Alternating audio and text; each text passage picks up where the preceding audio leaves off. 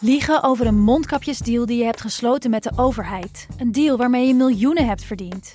Dat doet toch alleen Siewert van Liende? Nou, nee. Ik ben Felicia Alberding en in de Mondkapjesmiljonairs duik ik met een team van correspondenten in andere schandalen. Want wist je dat Siewert helemaal niet uniek is? Luister de Mondkapjesmiljonairs in je Podimo-app. Of ga naar podimo.nl slash mondkapjes. En probeer Podimo 30 dagen. podimo.nl slash mondkapjes. In de podcast Radio Romano met Noortje Veldhuizen Met Marcel van Roosmalen. En met Roelof de Vries. brengen we alle drie elke week een zogenaamde signalering mee. Wat heb jij nou weer bij je? En aan het eind bepalen we wie de winnaar van de week is. Echt een angstcultuur Lege huls die je er bent? Ja, dat gaat eigenlijk altijd onvriendelijk. Luister nu naar Radio Romano bij Podimo. Via podimo.nl slash Radio Romano luister je 30 dagen gratis. alsof ik daar bezig was om omzicht naar een of andere plek te werken. Dat is gewoon niet zo. Dat doet de VVD niet. Dat was nooit onze intentie. Nooit, nooit, nooit. Ja, voorzitter, we zijn nu twee weken bezig. En wat een totale, maar dan ook totale rotzooi is dit geworden. Mijn vertrouwen in de heer Rutte heeft vandaag een forse deuk opgelopen.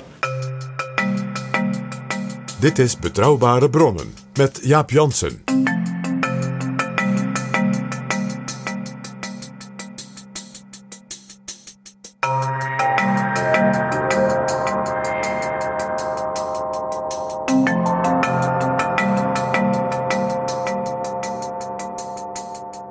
Hallo, welkom in Betrouwbare Bronnen, aflevering 180. En welkom ook PG. Dag Jaap. PG, aflevering 179 ging over de kabinetsformatie.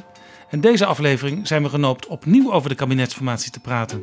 Nou ja, het moet niet, maar jij en ik beiden, en ik denk ook onze luisteraars, eh, zullen gefascineerd zijn. En soms misschien ook wel onthutst over de gebeurtenissen. En ik heb zo'n vermoeden dat dit niet de laatste keer is dat wij ook historisch en politiek actueel proberen te duiden wat er in Nederland en in de Haagse politiek gaande is. Dat doen we PG, maar voordat we daarmee beginnen wil ik eerst graag nog even de nieuwe vrienden van de show verwelkomen. Onze luisteraars die met een donatie Betrouwbare Bronnen mede mogelijk maken. De nieuwe vrienden van de afgelopen dagen zijn Fokko, Vincent, Wouter Gerard, Harry, Arthur, Peter, Alsan, Wim, Jeroen en Stan. Wil jij ons ook helpen? Ga dan naar vriendvandeshow.nl slash bb. Vrienden van Betrouwbare Bronnen, u bent meer dan welkom. Dit is Betrouwbare Bronnen. Wat wij hoorden aan het begin van deze aflevering, dat klonk toch een beetje als een Shakespeareaans drama. Eh, Jaap, de beste stukken van Shakespeare zijn door Giuseppe Verdi vervolgens ook nog tot opera gemaakt. Denk aan Macbeth, denk aan Othello. Dus eh, ja, drama en zelfs opera. Ja, heel veel onderdelen zitten er in zo'n drama. Soms denk je, het gaat nu echt helemaal mis. En dan blijkt er toch weer een soort van oplossing. Maar uiteindelijk gaat het echt mis.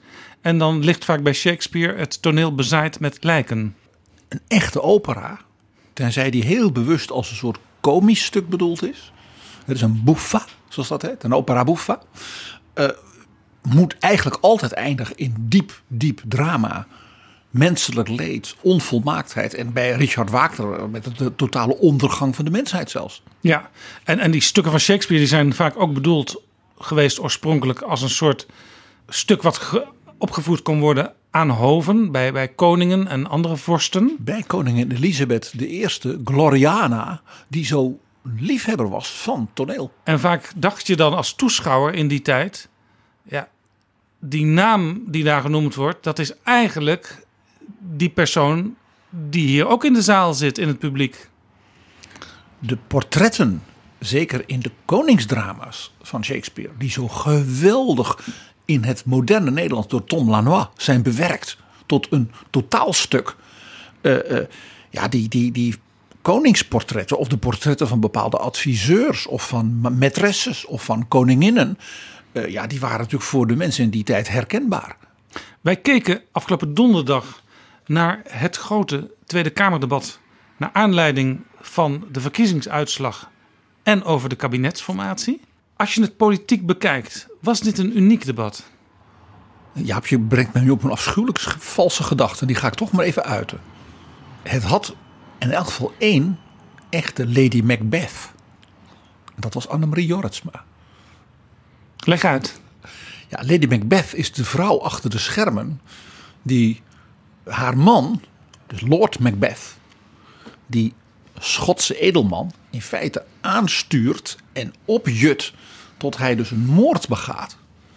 En zij aan het eind dan met hem ten onder gaat. En zij dus in de greep raakt van wroeging. Omdat ze begrijpt dat ze het over dit noodlot over zichzelf heeft afgeroepen.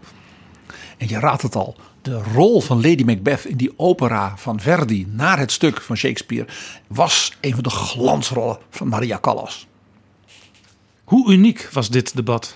Als je het politiek historisch bekijkt. Oeh, ja, uniek. Nou, ik heb, schrik niet, vijf redenen dus vijf aspecten van dit debat die in onze parlementaire geschiedenis echt behoorlijk ja, einmalig, zoals de Duitsers zouden zeggen, zijn. Ja, we hadden twee verkenners en die werden al snel vervangen door twee nieuwe verkenners. En ze zijn alle vier uh, onthoofd in dit debat. Nou, het feit al dat er twee verkenners waren, zeiden wij in een eerdere aflevering al, is een unicum. Ja, de verkenner... Dat het er vier werden, was en het ongeluk van die eerste twee waren op zichzelf al een unicum. Dus dan hebben we al drie unica. En als vierde unicum bij deze vier verkenners is dus hun publieke onthoofding. Ja, in de vorige aflevering concludeerden we eigenlijk al met Henk Kamp dat de verkenner een op zichzelf eenvoudige taak heeft. Namelijk een aantal eh, partijen selecteren die met elkaar aan tafel gaan om vervolgens onder leiding van een informateur te onderhandelen over de vorming van een kabinet. Jij noemt dat een eenvoudige taak. In schijn eenvoudige taak, maar het vereist uh, een staatsmannelijke finesse vaak uh, van de allerbeste. Een naam als Jan de Koning viel, denk aan Herman Schenk Willink en dergelijke. En het punt van Kamp was nou juist hierbij aangetekend dat de verkenners al veel verder gingen in sommige opzichten en allerlei dingen blijkbaar wilden bespreken die volgens Kamp helemaal niet in deze fase aan de orde hoeven te komen. Kamp ging zelfs nog verder in zijn echt snijdende kritiek. Dat hij, hij zei niet alleen dat dus de twee verkenners, dus mevrouw Jorritsma en mevrouw Ollongren, hun taak als verkenner volstrekt verkeerd hadden geïnterpreteerd. Hij zei zelfs als ze informateur waren geweest, hadden ze zelfs de taak die ze als informateur hadden gehad volstrekt verkeerd geïnterpreteerd. Dus een soort Russisch poppetje van fouten. Ja, en het begon natuurlijk, recapitulerend, eh, met dat stukje papier wat uit de tas van de vertrekkende mevrouw Olongren hing. Daar stonden een aantal dingen op en in het debat heeft het zich vooral gefocust op dat ene zinnetje positie omzicht, functie elders. En waar dat vandaan kwam, daar ontstond heel veel mist over. Ja, en wat ook toch wel interessant was, dat de analyse die jij en ik van dat memo van hè, wat uit, die, uit die map bleek van mevrouw Ollongren, die analyse die wij maakten, dat naarmate het debat vorderde, laat ik zeggen, daar steeds meer van als het ware boven, boven het maaiveld kwam. Zodanig zelfs dat de gedachte die wij op tafel legden van men moet in feite al die stukken die daarin worden aangestipt, bijvoorbeeld het Nationaal Herstelplan en dergelijke, de Kamer moet die zien. Want alleen zo kun je beoordelen of wat de dames eh, verkenders hebben gedaan, nou wel of niet aan de haak was. Nou, ja, dit, dit, hebben we meegemaakt. Ja, dit was dus al heel uniek, want uh, bleek ook deze week dat elke fase in de formatie, dan gaan de stukken die gaan in het archief en die zijn dan niet ter beschikking van de nieuwe verkenner of de nieuwe informateur. Maar dit was zo finaal misgegaan dat de Kamer zei: ja, wij willen nu echt alle stukken hebben. En de Kamer is de baas over zijn eigen opdracht. Dus de Kamer kan dat gewoon zeggen. Hier zeg ik iets bij wat misschien niet helemaal populair is. Dit is achteraf een positief aspect van het feit dat niet meer de koning, of vroeger de koningin, de opdracht gaf en als het ware de, de mensen ontving en dan een informateur aanwees. maar dat het feit dat de Kamer het zelf doet. Hadden we nu een situatie gehad dat, ik noem maar eens wat, uh, uh, verkenner Cenk Willink voor koning Willem-Alexander ja, was gestruikeld op het bordes en daarbij was dat papier op de grond gevallen en gefotografeerd. dan had men dus niet hem kunnen vragen: geef eens even al die stukken. Nee, want dan zou het gevaar dreigen dat de majesteit ontbloot wordt. En de onschendbaarheid van de koning dan dus geschonden zou worden. Exact. Uniek debat. Ja, uh, vier beschadigde verkenners. Nou, uh, Jan de Koning die zei al je moet als verkenner soms even rustig aandoen. Want hè, de politieke situatie is ongewis. En bijvoorbeeld er dreigen nog toestanden in bepaalde partijen. En je moet voorkomen dat de rondvliegende scherven dan de informateur of de formateur beschadigen. Ja, zoals ik las in het verslag van het gesprek van de eerste twee verkenners met Sigrid Kaag. Uit haar mond, haastige spoed is zelden goed. Festina lente in het Latijn. Maar ik, ik moest aan die rondvliegende scherven van Jan de Koning uh, onmiddellijk denken tijdens dat debat. Want je zag uh, mevrouw Jorritsma en mevrouw Ollongren af en toe ook bijna duiken. ze zaten heel gebogen. Je zag ze zagen echt als een geslagen hond zaten erbij. Maar het was alsof ze anders voor die scherf aan het wegduiken waren. Overigens, heel klein detail, PG. Festina Lente is de naam van de tennisclub waar Frits Bolkestein tenniste tijdens de formatie van Paars 1. En deze tennisclub kunt u vinden, lieve luisteraars, in het Vondelpark in Amsterdam. Ja, eerste reden dus vier verkenners, dat was al uniek. En alle vier politiek geruineerd. Tweede reden, ik ga het misschien een beetje hard zeggen. Sinds Jo Kals is er geen minister-president in een Kamerdebat zo de mist ingegaan als Mark Rutte. Oeh. Jo Kals ging ten onder in de zogenaamde Nacht van Schmelzer bij de fractieleider van zijn eigen partij, de KVP, Norbert Smeltzer, een motie indiende waarin hij het kabinet aanmoedigde nog wat strenger te zijn wat betreft de financiën. En de premier had zich zo vastgepraat in dat debat dat die motie onbedoeld de, het, de werking kreeg van een motie van afkeuring. En toen moest hij eigenlijk op aftreden omdat hij zelf als ware die motie die kant op had zitten duwen. Ja, dus de eigen fractie heeft eigenlijk de eigen premier uh, ten val gebracht. En het leidde toen ook in de politieke historie tot een vrij diepe uh, kloof tussen eh, de Katholieke Volkspartij en de Partij van de Arbeid. En leidde tot een heleboel ander politiek gedoe.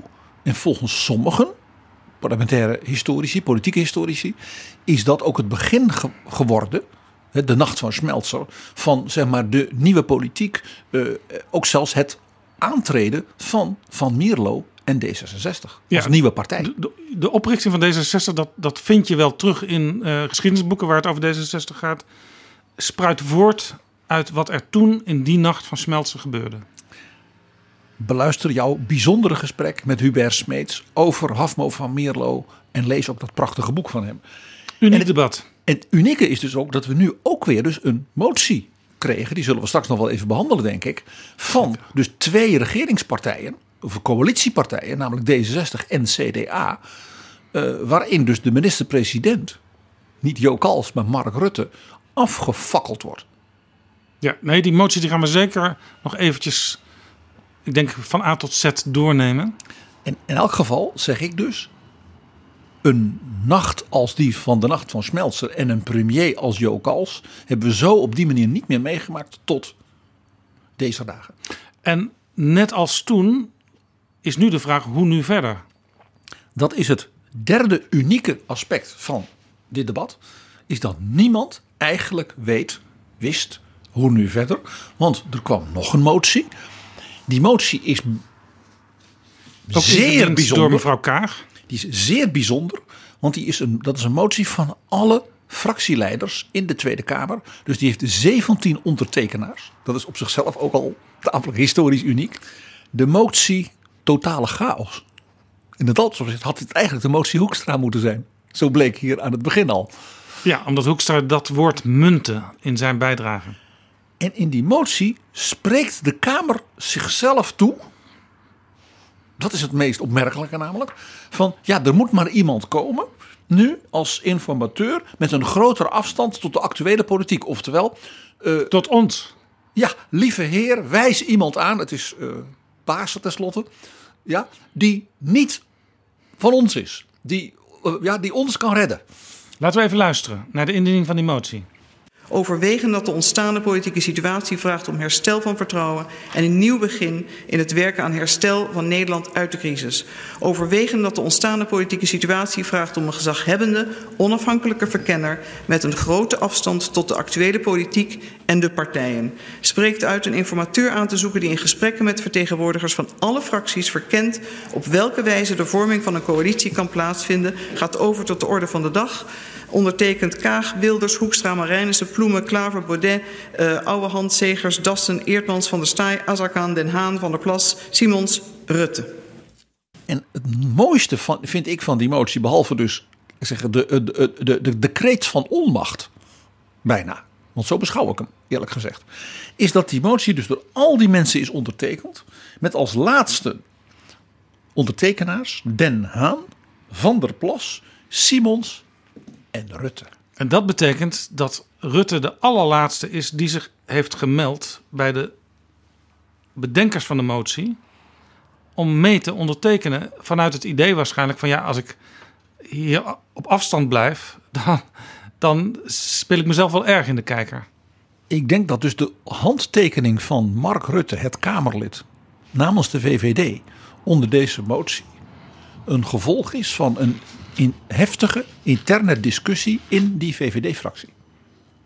Ja, Rutte was hier overigens van overtuigd dat hij mee zou moeten tekenen. Aan het begin van de tweede termijn, in de nacht, was dat. Ergens rond half twee.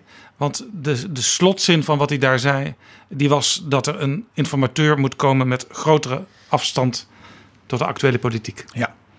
En daarmee dit deze kreet van onmacht van alle fractieleiders, inclusief de fractieleider van de VVD, die ook minister-president is, want dat is toch wat je moet zeggen, maakt dit dus ook een uniek aspect van dit debat. En uniek ook daarom, eh, omdat in dat debat, in de ogen van eigenlijk alle deelnemers, behalve Rutte zelf, de vingerafdrukken van Mark Rutte overal op zaten.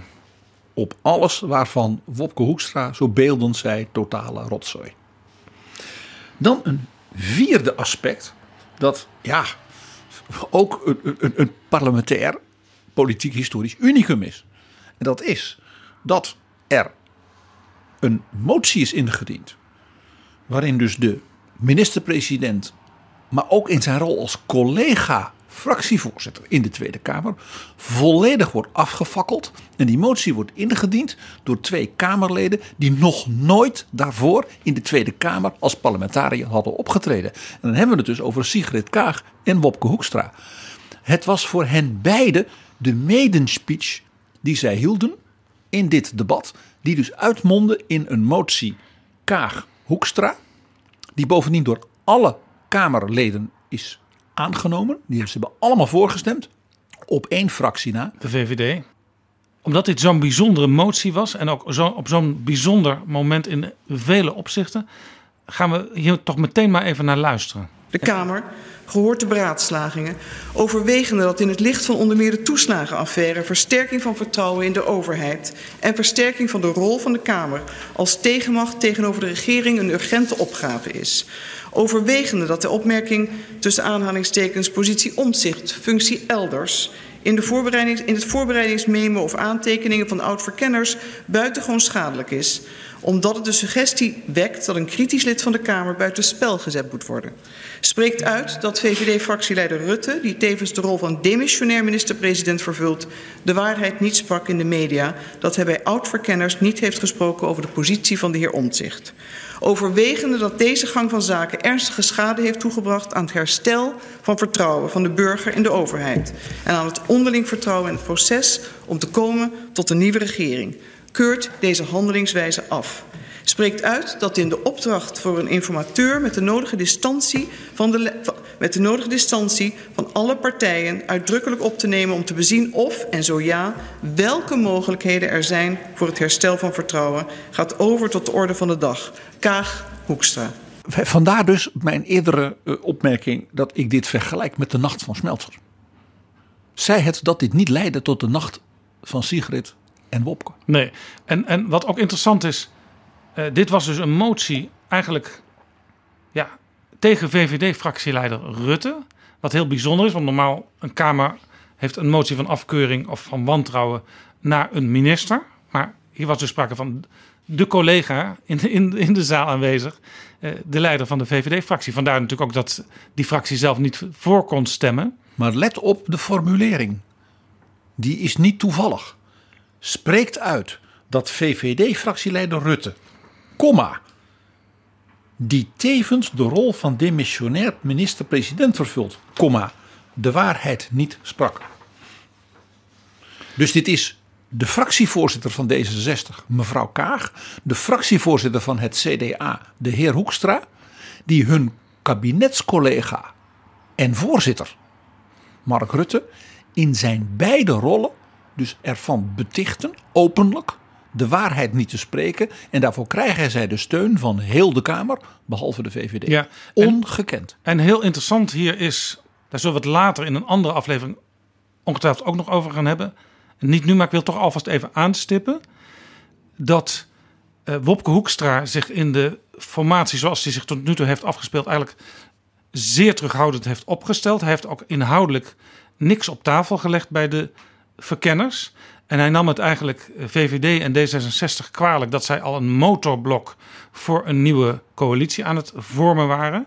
Maar dat in deze motie de leiders Kaag en Hoekstra samenkomen. En dat dat ook weer misschien perspectief biedt voor een fase in de kabinetsformatie waar misschien de VVD niet eens bij betrokken is.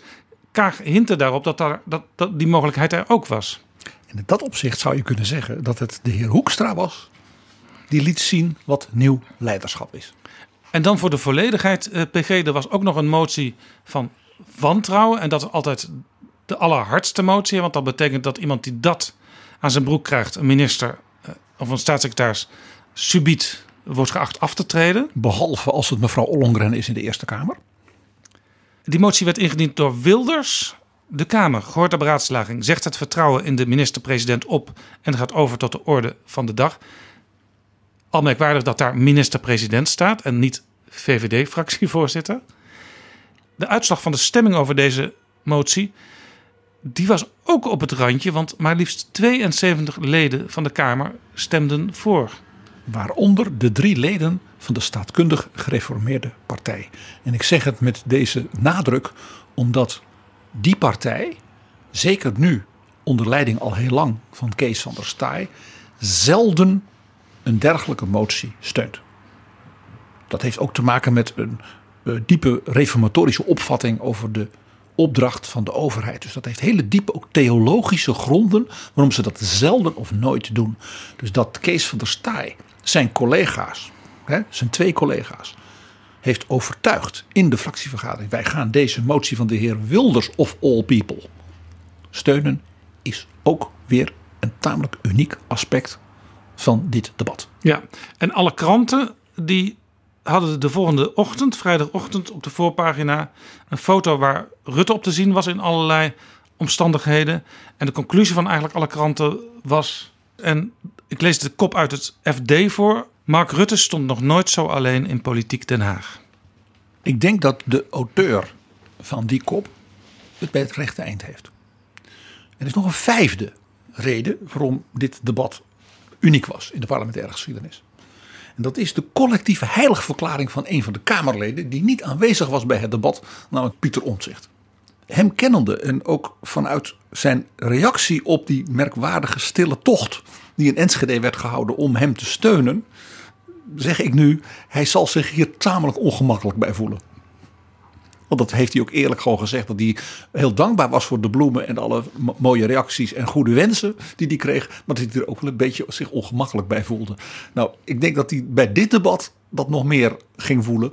Want zelfs Mark Rutte ging ineens net doen alsof Pieter Omtzigt, uh, laat ik zeggen, binnenkort door de paus, hoewel bij leven, toch zijn zaligverklaring tegemoet kan zien. Ja, ja ik dacht bijna, want dat, er viel al ergens aan de formatietafel. Misschien moet Pieter Omtzigt, als hij geen minister wordt, maar voorzitter van de Tweede Kamer worden. Alsof verkenners die de opdracht hebben van de Kamervoorzitter mevrouw Ariep om dit te doen, daar überhaupt over zouden mogen speculeren. Een schandelijk iets. En toen dacht ik, ja, Pieter Omtzigt zal waarschijnlijk, maar ik kan niet voor hem spreken, maar hem kennende, niets liever willen dan gewoon vier jaar doorgaan eh, op de weg waarop hij al op bezig was. Namelijk dingen uitzoeken en scherp bewindslieden bevragen. Pieter zal eerst vooral weer gezond willen zijn. En met Iver en zijn vier dochters weer gewoon een fijn leven kunnen voeren. Ja, en zorgen dat de verhouding macht en tegenmacht uh, weer netjes hersteld wordt zoals die bedoeld is. Maar ironisch dachten we nog even, misschien moeten ze hem erevoorzitter van de Tweede Kamer maken. Dat is een niet bestaande functie. Net als verkenner. Maar het is ook een niet bestaande soort, functie. Het geeft wel een soort heiligheid aan als de Kamer daar toch in spreekt in die termen. Nou heeft Pieter jarenlang gewoond, gewerkt, gestudeerd, gepromoveerd in Italië. Uh, maar zoveel wierooklucht, ik denk dat hij daar ook zelf uh, een beetje misselijk van zou worden. Dat waren de vijf redenen, met dus die laatste toch nog enige, mag ik zeggen, ironie, uh, waarop dit debat dus geschiedenis schreef. Jaap Jansen en Pieter Gerrit Kroeger duiken in de politieke geschiedenis. PG, jij legt er net uit waarom het een uniek debat is geweest, dat formatiedebat wat we deze week hebben gezien. De uitkomst, is die ook uniek? Nee hoor. Want, want nou ja, alle kranten, eh, voorpagina's die we nog nooit, nou tenminste, ik, ik zou moeten graven in de, in de leggers om, om iets te vinden wat hierbij in de buurt komt. Maar jij zegt nee. Nee, ik vind die uitkomst helemaal niet uitzonderlijk. Uh, ik ga nu voor jou vier VVD'ers van het hoogste niveau noemen. VVD'ers ook nog? Als aangeschoten wild in de Tweede Kamer. Waarbij sommigen uh, zeiden, ja dan kan ik niet verder. En anderen gewoon doorgingen. Dus wat dat betreft is in liberale kring, zoals wel vaker, alles mogelijk. Vertel. Als de eerste voor wie zelfs de term aangeschoten wild werd bedacht... was natuurlijk vicepremier Gijs van Ardenne van het kabinet Lubbers 1. Gijs van Ardenne, minister van Economische Zaken ook. Uh, slachtoffer geworden van de RSV-enquête. Heel belangrijk voor de VVD, want de vicepremier... en ook een man die alles wist van de cijfers... en die ook wist hoe de hazen lopen op het Binnenhof. Zeer ervaren Kamerlid. Een echte, echte cijferaar, echte man van de van, van begrotingen en dingen. En op EZ ook, dus niet zozeer een ondernemingsfiguur, wat je bij de VVD misschien zou denken, een soort type CEO, maar meer een, een bijna een soort uh, hele precieze ambtenaar. Ja, heel pragmatisch ook. Soepel, hartelijke man, vriendelijk. Dus prettig man. voor coalitiepartners. Geliefd bij zijn collega's.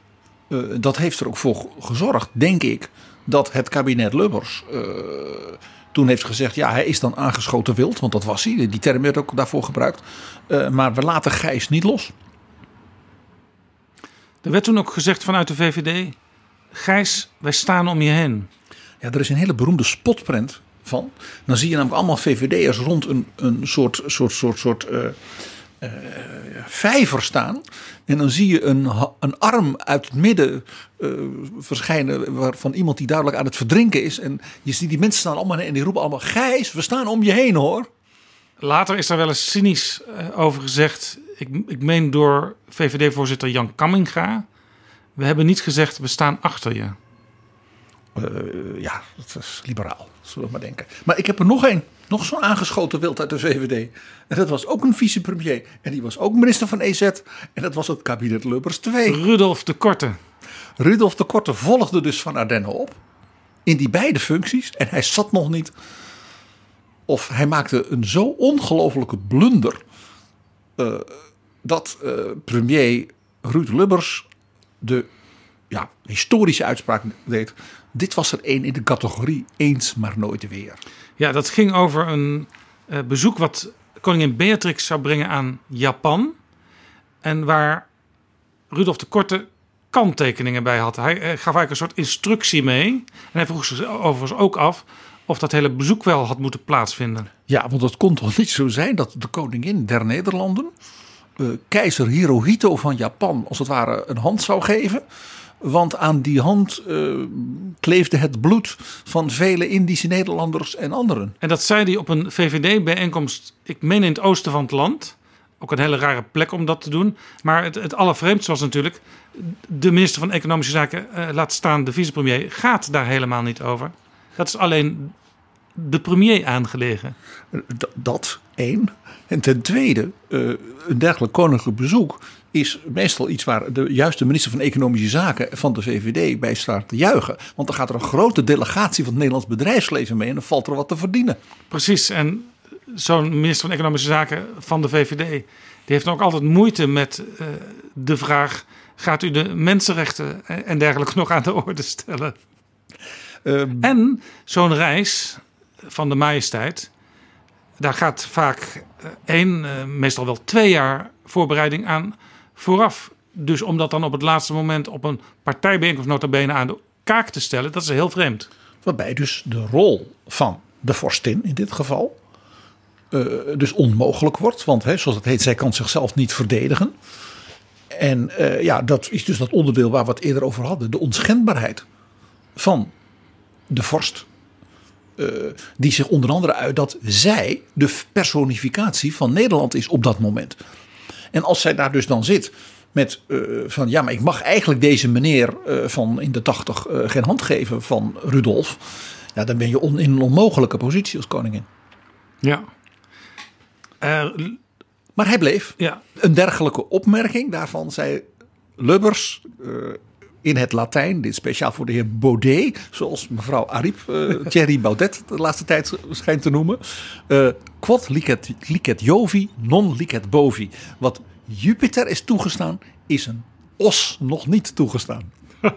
Waarbij dus de heer Lubbers zichzelf vergeleek, blijkbaar, met de oppergod der Romeinen en zijn vicepremier van de VVD met een koe. Misschien een, een, schiet me te binnen een wat recenter voorbeeld van ook iemand die aangeschoten raakte. Halbe Zijlstra. Uh, ja, uh, ook een VVD'er, maar die bleef niet. Uh, nadat de heer Rutte zijn vertrouwen natuurlijk in hem had uitgesproken. kijk, Halbe Zijlstra had een bewering gedaan. Op een VVD-bijeenkomst opnieuw. Er is iets met die bijeenkomsten van de VVD hè, in het land. Dan moet je oppassen. Hij had een anekdote verteld over een bijeenkomst in de dacha van Vladimir Poetin, de Russische president. Uit zijn tijd als jong uh, manager van Shell.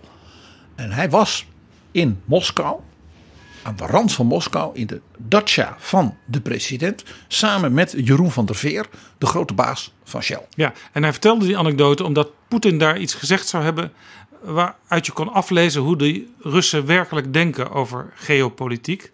Waarmee hij maar wilde zeggen dat je moet uitkijken voor die Russen. Ja, waaruit bleek vervolgens dat de heer Van der Veer zich op geen enkele manier kon herinneren, ja, daar heb je de actieve herinnering weer, dat die halbe van zijn staf daar überhaupt bij was. Als die überhaupt al uh, meeging naar belangrijke bijeenkomsten ooit. Het antwoord was nee. Uh, Jeroen van der Veer, dat is een, uh, hoe zal ik dat nou netjes zeggen? Een man die in dat opzicht vrij kort af is. Ja, hij is wel VVD, maar ook to the point en gehecht aan wat zich werkelijk heeft afgespeeld.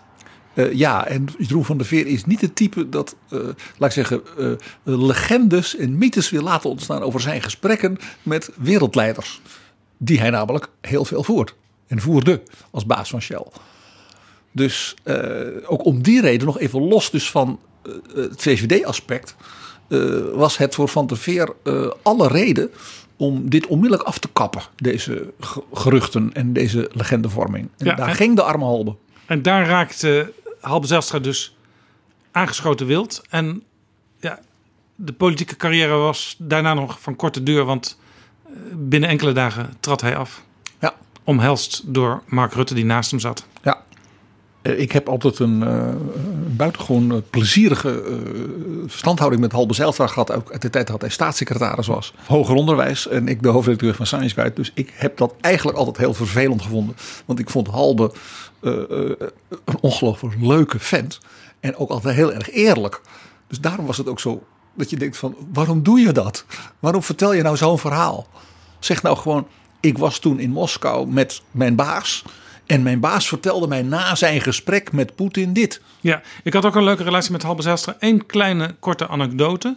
Toen Eibeltje Bergmoes Duindam in mijn microfoon voor BNR vertelde dat we uit moesten kijken voor de, het ontstaan van een Eurabia, een Europees Arabië.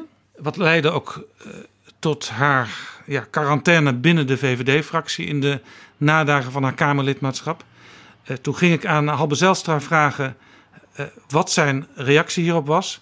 En toen zei hij kort in de microfoon: Hieruit blijkt dat zij volstrekt ongeschikt is als Kamerlid. Punt.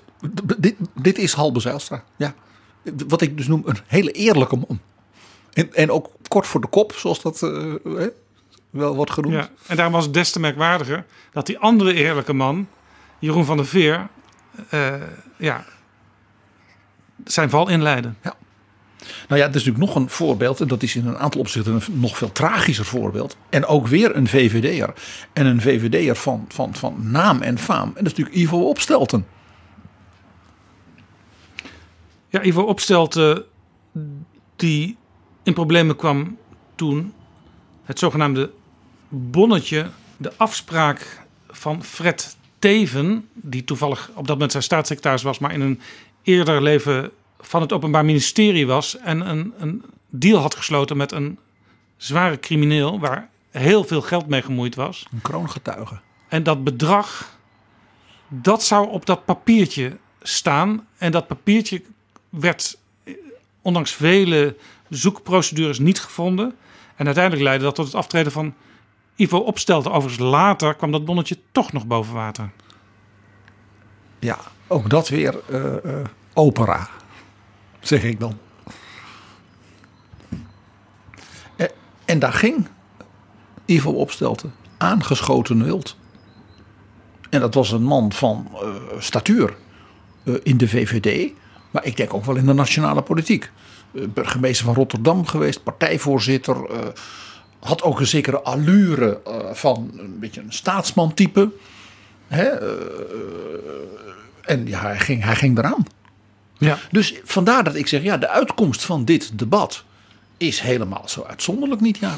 Nee, en bij, bij Halbe Zijlstra ging het natuurlijk al een beetje over dingen die je wel of niet goed herinnert. Daar zijn, daar zijn nog wel meer voorbeelden van. Nou, uit de wereldgeschiedenis, internationaal, heb ik er, uh, Jaap, drie voor je en voor onze luisteraars. Eén ehm, uit de Bondsrepubliek van de jaren 80. En twee uit de geschiedenis van de Verenigde Staten van twee in vele opzichten iconische presidenten. Voor de draad ermee, VG. Helmut Kohl. Die was minister-president geweest voordat hij bondskanselier werd van het prachtige staatje Rijnland-Pfalz. Hoofdstad Mainz. Eh, dus hij was de minister-president in Mainz. En in Mainz was er een commissie dat onderzoek deed van het parlement naar omkoping van de dus regionale politiek in Rijnland-Pfalz door de firma Flick. De, wapenhandelaar. Onder andere. Onder andere. Uh, de firma Flick uh, is van hele grote, zware apparatuur, uh, waaronder ook dus militaire apparatuur. En de firma Flick heeft een hele uh, wat duistere voorgeschiedenis. Dus als je geld aanneemt van Flick, dan. Nou ja. En Flick had een CEO.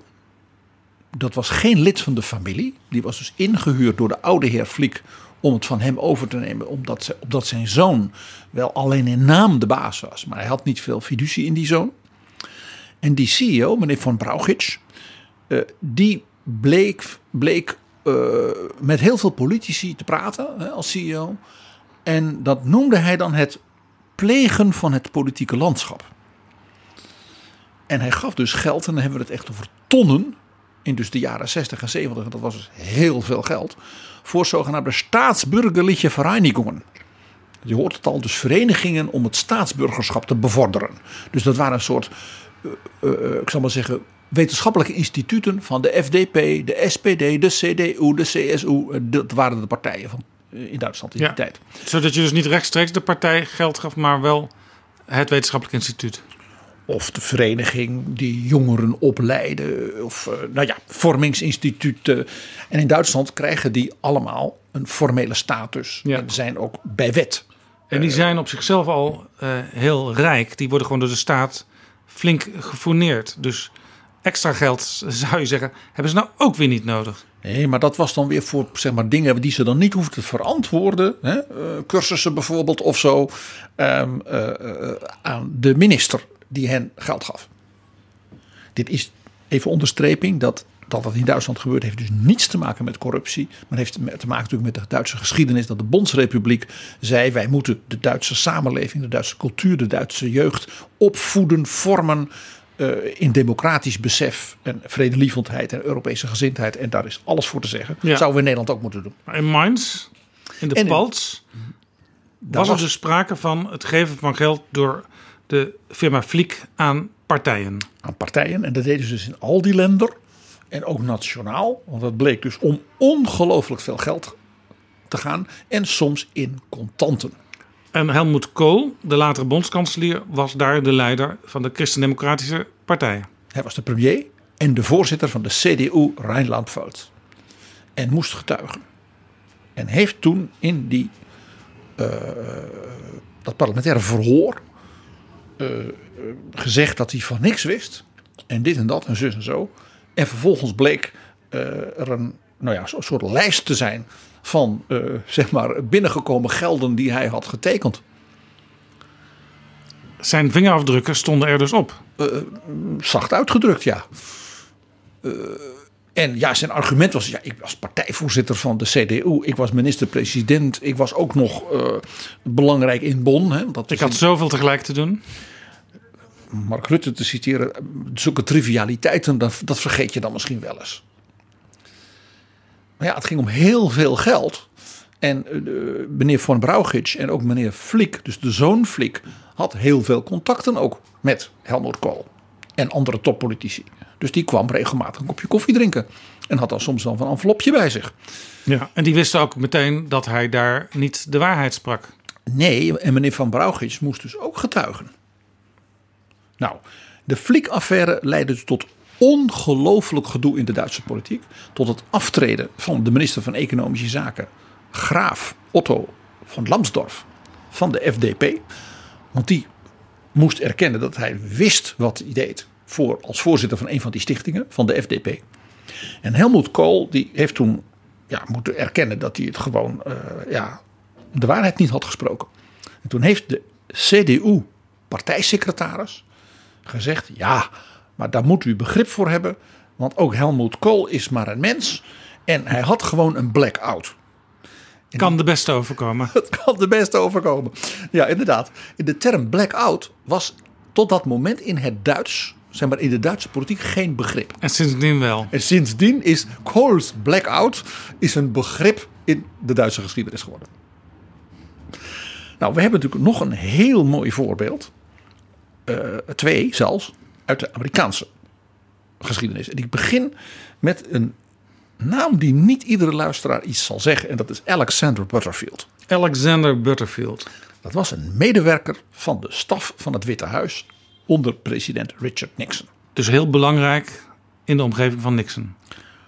Nou, het was niet zo heel erg belangrijk. Het was meer iemand van de logistieke staf.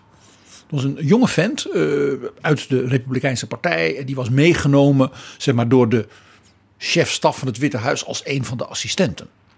Maar hij moest op een gegeven moment wel in het getuigenbankje plaatsnemen. Van een commissie van de Senaat onder leiding van de legendarische senator Sam Irwin van de staat North Carolina.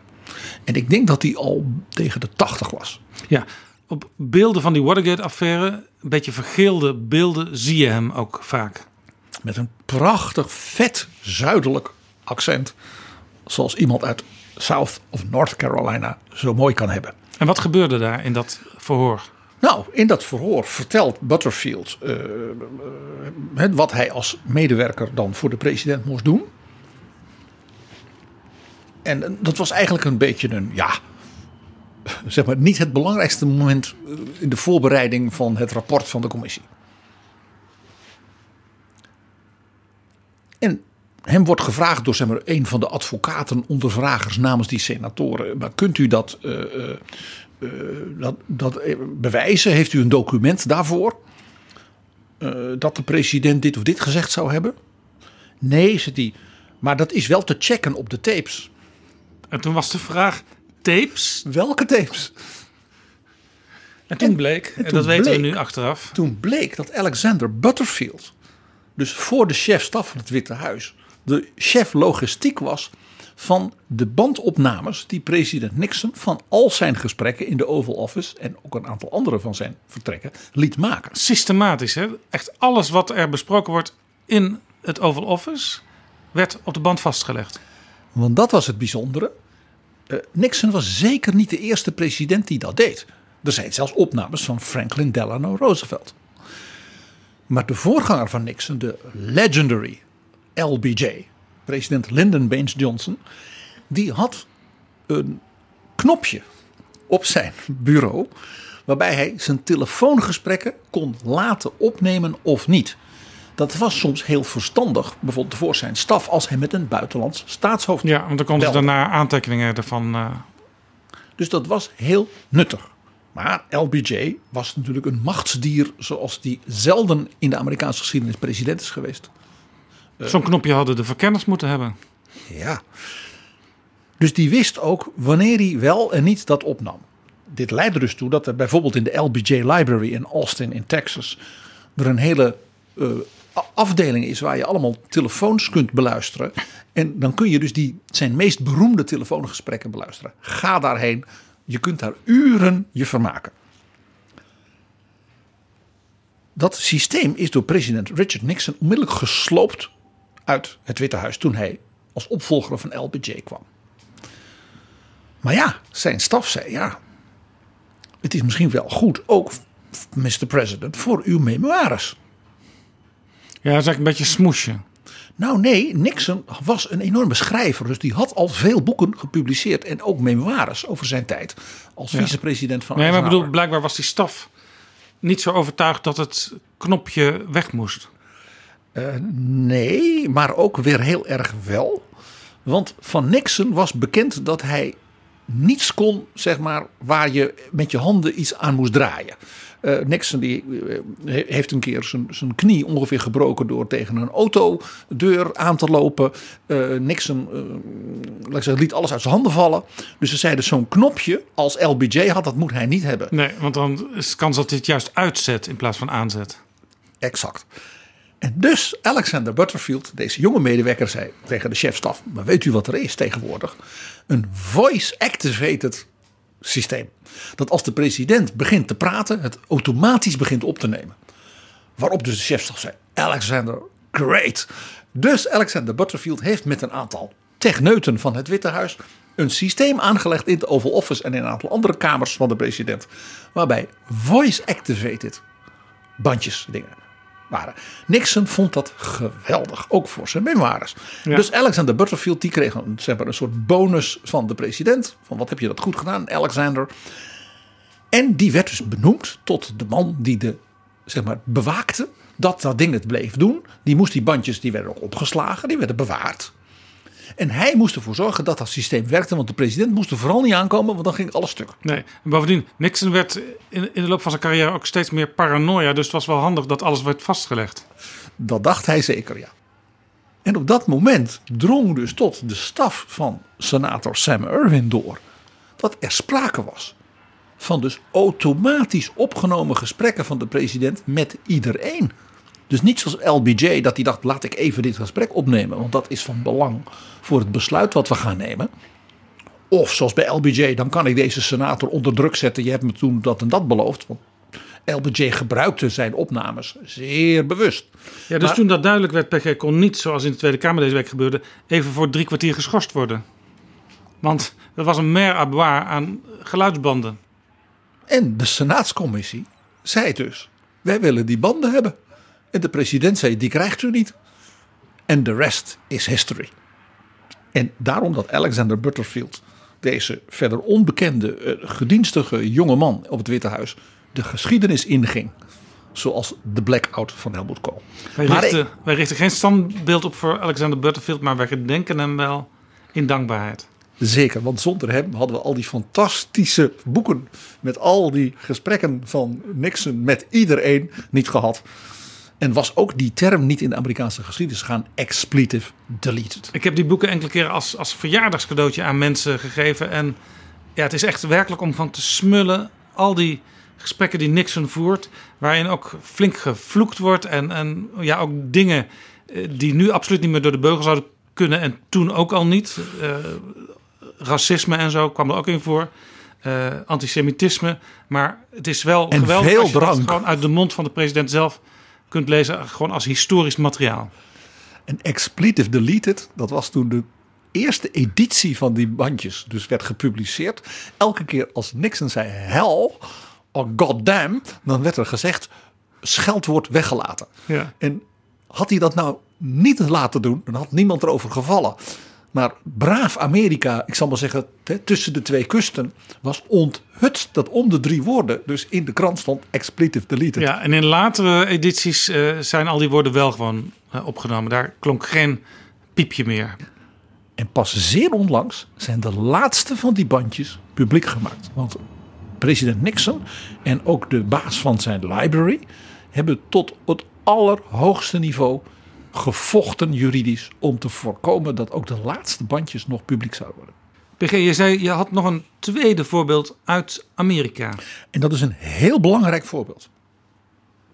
Want ik ben ervan overtuigd dat Mark Rutte zijn verdediging in de Tweede Kamer daaraan ontleent. Want Mark Rutte, die volgt natuurlijk als historicus de Amerikaanse politieke geschiedenis zeer nauw. En ik heb door omstandigheden niet zo heel lang geleden ervoor gezorgd dat een universiteit Mark Rutte een cadeau gaf voor zijn optreden. En mijn tip was: koop het boek Het leven van Ronald Reagan van meneer Spits, dat net uit is. En dat is een fantastisch boek over Ronald Reagan. En Mark Rutte is dol op presidentsbiografieën. Ik was erbij dat hij het kreeg en hij straalde. Vertel nou, dat verhaal over Reagan. Reagan heeft een toespraak gehouden tot het Amerikaanse volk toen een onderzoekscommissie had aangetoond dat hij toch wel degelijk zelf goedgekeurd had dat er wapens zouden worden geleverd aan de Ayatollahs in Teheran als afkoopsom voor het vrijlaten door Hezbollah in Libanon van Amerikaanse gijzelaars en dat het geld dat dan betaald zou worden door Iran, dus door de Ayatollah, dat dat gebruikt zou worden, want het was natuurlijk illegaal, om de anticommunistische verzetstrijders in Midden-Amerika, de zogenaamde Contra's, wat toe te stoppen. Daarom heette dat de Iran-Contra Affair. Ronald Reagan heeft al die tijd dat dat die beschuldiging kwam gezegd dat is niet waar, dat heb ik niet gedaan. Ik zou nooit wapens ruilen voor gijzelaars. Ja. Dat, is, dat is inhumaan, dat is corrupt, dat zou ik nooit doen. En Ronald Reagan werd daarin door het publiek geloofd. Heel veel Amerikanen geloofden de volstrekte oprechtheid van Ronald Reagan. Want zij dachten ook bij Ronald Reagan, zoiets slechts zou hij niet eens kunnen bedenken. Ook dat. En uh, die, die, die, die Ayatollahs, dat was uh, verschrikkelijk. En het was van bekend van Reagan dat hij zich ook heel persoonlijk diep, diep bezorgd maakte om die Amerikanen die als gijzelaars daar gevangen zaten bij Hezbollah. En dat hij ook he, tot tranen was als er dan weer eentje was vermoord. Uh, dan was de president zeer aangedaan. Ook als hij dan de familie bijvoorbeeld bezocht. Reagan was wat dat betreft een man met een heel warm hart. En de Amerikanen wisten dat en geloofden hem dus. Maar hij sprak dus niet de waarheid. Nee, en dat is zacht uitgedrukt. Het bleek dat zijn staf hem niet één keer, niet twee keer, maar heel veel keren zelfs memoranda hadden gestuurd. Waaronder het belangrijkste besluit, terwijl hij in het ziekenhuis lag, na een operatie voor kanker. En het was zo belangrijk dat dus zijn belangrijkste mensen, zijn National Security Advisor en zijn chef-staf, dus bij hem op bezoek waren in de, in de kamer, in het bed. ziekenhuis, aan zijn bed, om hem te informeren en hem te laten goedkeuren. Dus toen ontstond het verhaal van bijvoorbeeld First Lady Nancy Reagan.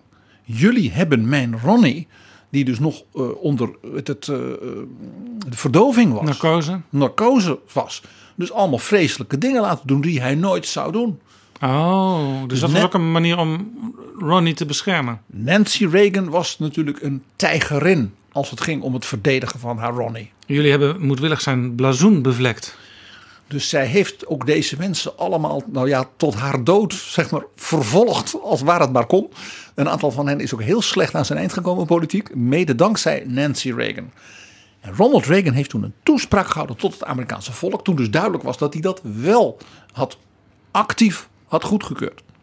Dus het bewust beleid van zijn regering was geweest dat hij ook had akkoord Ja. bevonden. En jij zegt dus, jij neemt dus aan dat wat Ronald Reagan in die speech zei tot de Amerikaanse bevolking via de televisie, dat dat eigenlijk eh, de inspiratiebron is geweest voor Mark Rutte afgelopen week. Ik hoorde hem bijna letterlijk zeggen wat Ronald Reagan in die speech zei. Want hij zei: Ik heb niet gelogen. Alleen ik wist niet meer dat ik dat had gezegd. En Ronald Reagan zegt in die speech ongeveer: Diep in mijn hart ben ik ervan overtuigd dat ik nooit wapens voor gijzelaars heb geprobeerd te ruilen. Zullen we even naar Ronald Reagan luisteren? Let's start with the part that is the most controversial. A few months ago, I told the American people I did not trade arms for hostages. My heart and my best intentions still tell me that's true, but the facts and the evidence tell me it is not. As the Tower Board reported, what began as a strategic opening to Iran deteriorated in its implementation into trading arms for hostages. This runs counter to my own beliefs, to administration policy, and to the original strategy we had in mind. There are reasons why it happened, but no excuses. It was a mistake. Now, what should happen when you make a mistake is this you take your knocks, you learn your lessons, and then you move on. Dat was Ronald Reagan en dan nu Mark Rutte. Dus die uitspraak had ik niet moeten doen. Daarvoor excuus. En als tweede heb ik in diezelfde interviews gezegd dat ik in mijn gesprek met de verkenners niet over Pieter Omtzigt eh, heb eh, gesproken. Uit het verslag van mijn gesprek blijkt dat het wel over Pieter Omtzigt is gegaan. En dat roept terecht veel vragen over. Ik kan u dit zeggen. Ik heb naar eer en geweten de pers te woord gestaan.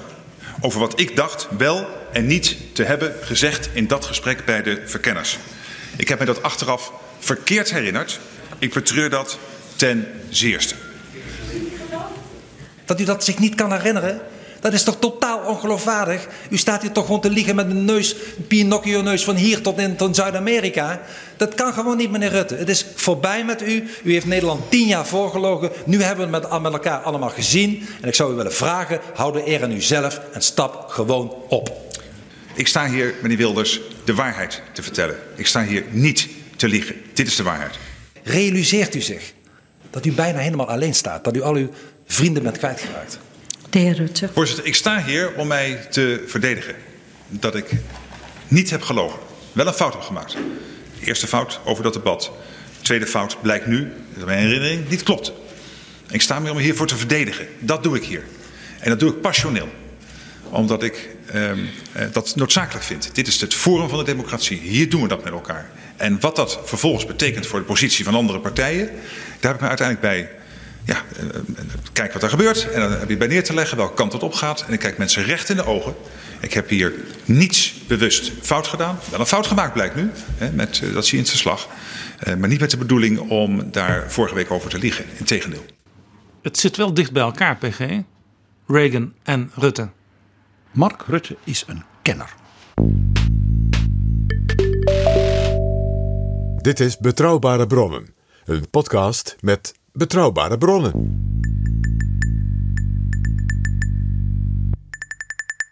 PG, we hebben vastgesteld eerder in deze aflevering. Het was een historisch debat wat wij afgelopen donderdag hebben aanschouwd. Zeker. Er zijn natuurlijk historische debatten in de politieke geschiedenis waar, waar velen nog aan terugdenken, zelfs als ze in die tijd uh, nog niet groot genoeg waren om het echt allemaal meteen te beleven. Maar ik denk bijvoorbeeld aan de nacht van Schmelzer. Uh, ik was drie jaar oud. Dus ja, ik heb dat later allemaal moeten, moeten uh, herbeleven via boeken en af en toe ook televisiebeelden. Er zijn zelfs toneelstukken over gemaakt. Ehm, maar er zitten soms woorden in, termen. Ik herinner me bijvoorbeeld uit, uit dat debat de freule Wittewel van Stoetwegen. Die zei over het lange nachtelijke doorvergaderen. Voorzitter, dit is gekkenwerk. Zo zijn natuurlijk nog veel meer debatten te, te bedenken en, en woorden daaruit. Hebben we die nu ook? De, de Dries van Acht, die midden in de nacht in een debat over een zeer omstreden uh, levering van Nederland aan een land waar de generaals, volgens mij Brazilië of zoiets. Waarbij dus de oppositie zei: en u heeft zo'n iets getekend. En als die generaals nou die dat gaan gebruiken, ging het niet om iets, iets nucleairs. En dan gaan ze dat gebruiken om een atoombom te bouwen. Waarop Van Acht midden in de nacht zegt: Voorzitter, bij een verdrag als dit geldt natuurlijk altijd de clausule rebus sic stantibus. Alleen Dries van Acht kon midden in de nacht zo wakker zijn dat hij uit het internationaal recht. Ja, dit weet alleen een vierdejaarsstudent in het internationaal recht waarschijnlijk. Dan promovendus. van Acht was ja, briljant hè, in veel opzichten. En zeker als het ging om formuleringen en zeker midden in de nacht. En dat hele debat donderde in elkaar. Want niemand had, had erbij stilgestaan dat rebus sextantibus inderdaad gold. En dat betekent dat als dus generaals zouden misbruik maken daarvan, dat dat verdrag dan niet meer gold. Rebus sextantibus. Ja. Of bijvoorbeeld PG, wat Joop den Uil zei toen uitgekomen was dat prins Bernhard misschien wel corrupt was. Laten we even luisteren.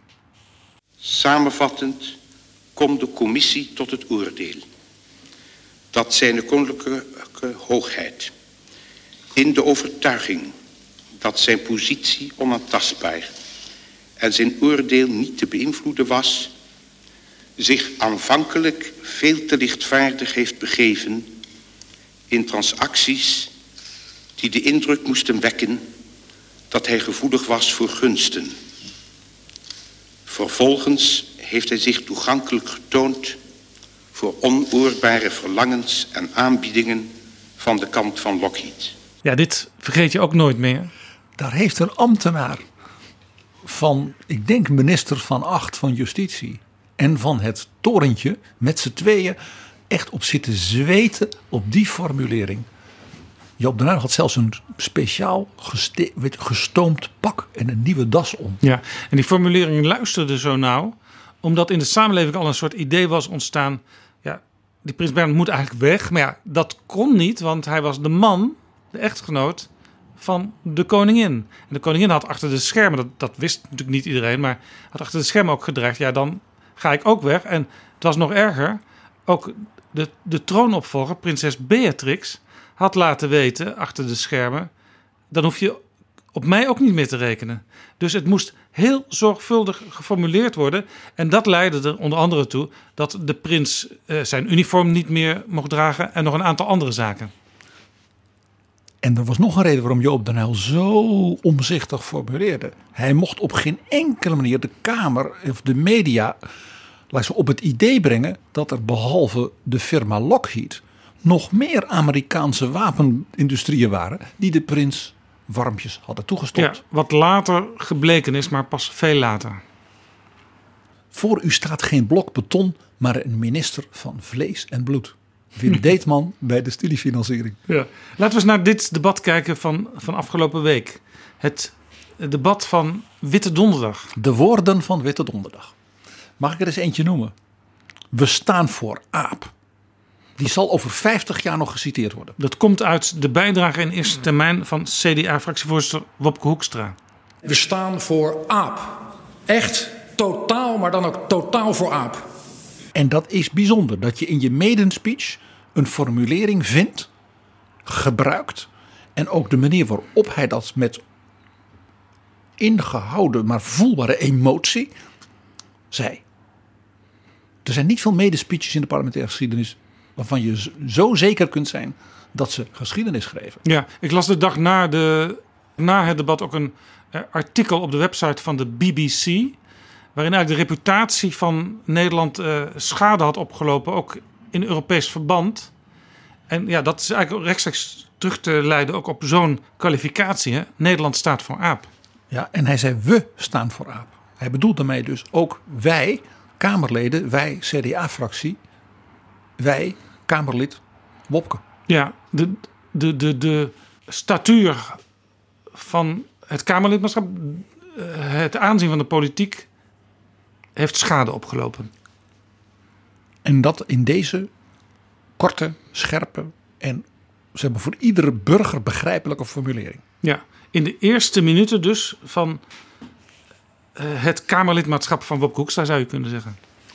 Nog zo'n term waarvan ik zeker weet dat die over 50 jaar, misschien over 100 jaar nog wel, dat iedereen denkt, via via. Via via. Mark Rutte die vertelde dat hij s morgens om half acht een telefoontje had gehad. Oh ja. Waarin hem werd gemeld dat hij waarschijnlijk wel de naam Pieter Omtzigt en een functie voor hem en wat al niet had genoemd tegen de twee verkenners. En toen hij zei ja, dat, dat telefoontje dat kwam via via binnen. En de hele kamer stond op zijn achterste benen, want die dacht wie is via via? En daarmee is dus dat begrip via via, net als die blackout van Helmut Kool, ineens een term waarvan je weet, die gaan we nog decennia en decennia horen. Overigens later in het debat sprak verkenner Wouter Koolmees. En die vertelde dat hij het om kwart over zeven aan zijn partner had verteld. Dat was de enige met wie hij over deze kwestie contact had gehad. En toen riep Mark Rutte uit vanuit de zaal: Dit moest toch geheim blijven? Mark Rutte had zijn gevoel voor humor dus nog niet helemaal verloren. Nee, het was al bijna weer de oude Mark Rutte. Terwijl je het grootste deel van het debat uh, Mark Rutte toch gepijnigd in zijn bankje zag zitten. Ja, en op zo'n moment zo'n grap maken uit je bankje is misschien ook niet heel verstandig, zeg ik maar. Nou, nog zo'n mooie term, eer en geweten. Ook van Rutte. Een politicus die nu tegen de media of tegen zijn collega's zegt dat hij naar eer en geweten dit, dit, dit, die krijgt een lachsalvo over zich heen. En dat is heel pijnlijk. Je ontheiligt eigenlijk zo'n begrip. Ja, ja. Mag ik nog eens zo'n term? Als jij zegt, ja, dat was om half acht. Het woord half acht is vanaf nu ook hè, een begrip. Ja, dus als je eigenlijk bij spreken ironisch spreekt over iets wat weggemoffeld is, dan zeg je ja, ik had het om half acht gehoord. Ik werd vanmorgen om half acht gebeld. Ja. En dan zegt de, degene tegen, ja, ja, via, via. Ja, precies. Nou, wat ik ook wel een hele mooie vond, was van uh, mevrouw Kaag. Die zij zei, ik denk zonder het te beseffen, citeerde zij bijna Johann Sebastian Bach. Zij zei: Hier scheiden onze wegen. En dat ging over haar politieke relatie met Mark Rutte. Ja. En dat was op Witte Donderdag, dus bijna, bijna uh, ik zou bijna zeggen, bijna artistiek. Ja, en ook een heel, heel uh, tragisch moment eigenlijk, omdat uh, in Den Haag het beeld was VVD en D66 vormen in de formatie een tandem en ook een motorblok in de coalitie die in aanbouw is. Waar Bob Hoekstra ook van zei in het debat dat hij zich daar zeer aan geërgerd had. En ook tegen de verkenners had hij dat verteld. En hier leek dus dat motorblok al voordat het goed en wel klaar was, alweer in duigen te liggen. Nog voor er benzine in die motor was gegoten, was die motor al ontploft. Of groene waterstof. Ja. Um, ik sta hier dan ook met zwaar gemoed. Want u heeft vorige week uh, ook namens mij op dat moment bij de NOS gesproken. U benoemde het zelf al. En bevestigde dat wij allebei geen bijdrage, opmerking hadden geplaatst over Pieter Omtzigt. En hier scheiden onze wegen. Uh, want in de politiek en het leven heeft een mens hopelijk goede gezondheid. Maar het grootste goed is de individuele integriteit. Voor de woorden kunnen staan. Het tweede is met deze schade, die toch is opgetreden, constateer ik ook dat er toch in de laatste jaren zeker, wat ik ook zelf heb kunnen observeren, een patroon is. Een patroon van vergeetachtigheid, amnesie, ik ben het vergeten. Hoe kunt u dan in de grootste crisis die we hebben in Nederland dat vertrouwen, wat denk ik weer geschaad is, alsnog herstellen. En ik vraag u daarop te reflecteren. De twee liberale partijen die bij de verkiezingen gewonnen hadden, de ene een klein beetje, de andere een beetje meer, eh, die bovendien in Europa samen één partij vormen.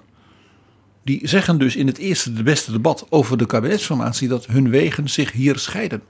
Vandaar dat ik zeg, dit is ook weer zo'n historisch soort uitdrukking. Ja, en Uh, dat kwam later ook nog terug, concluderend bij Kaag in de tweede termijn. En vond eigenlijk zijn vervolmaking in die motie.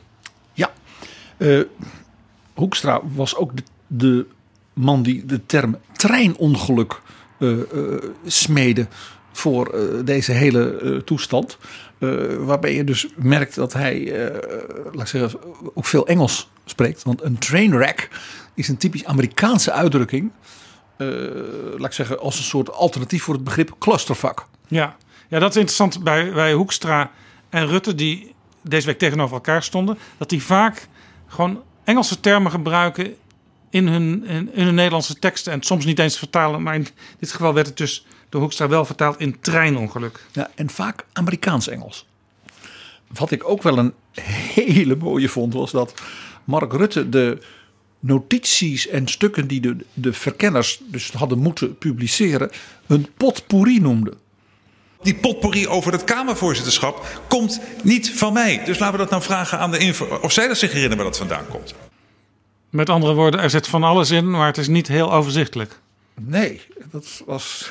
Ik vond het niet erg vlijend voor eh, de, de dames eh Ollongren en Jarretsma. Ja, nou was het natuurlijk ook zo dat eh, op een gegeven moment kwam alles op tafel. Ook de met de pen geschreven aantekeningen van de verkenners en van de betrokken ambtenaren Bart en Irene.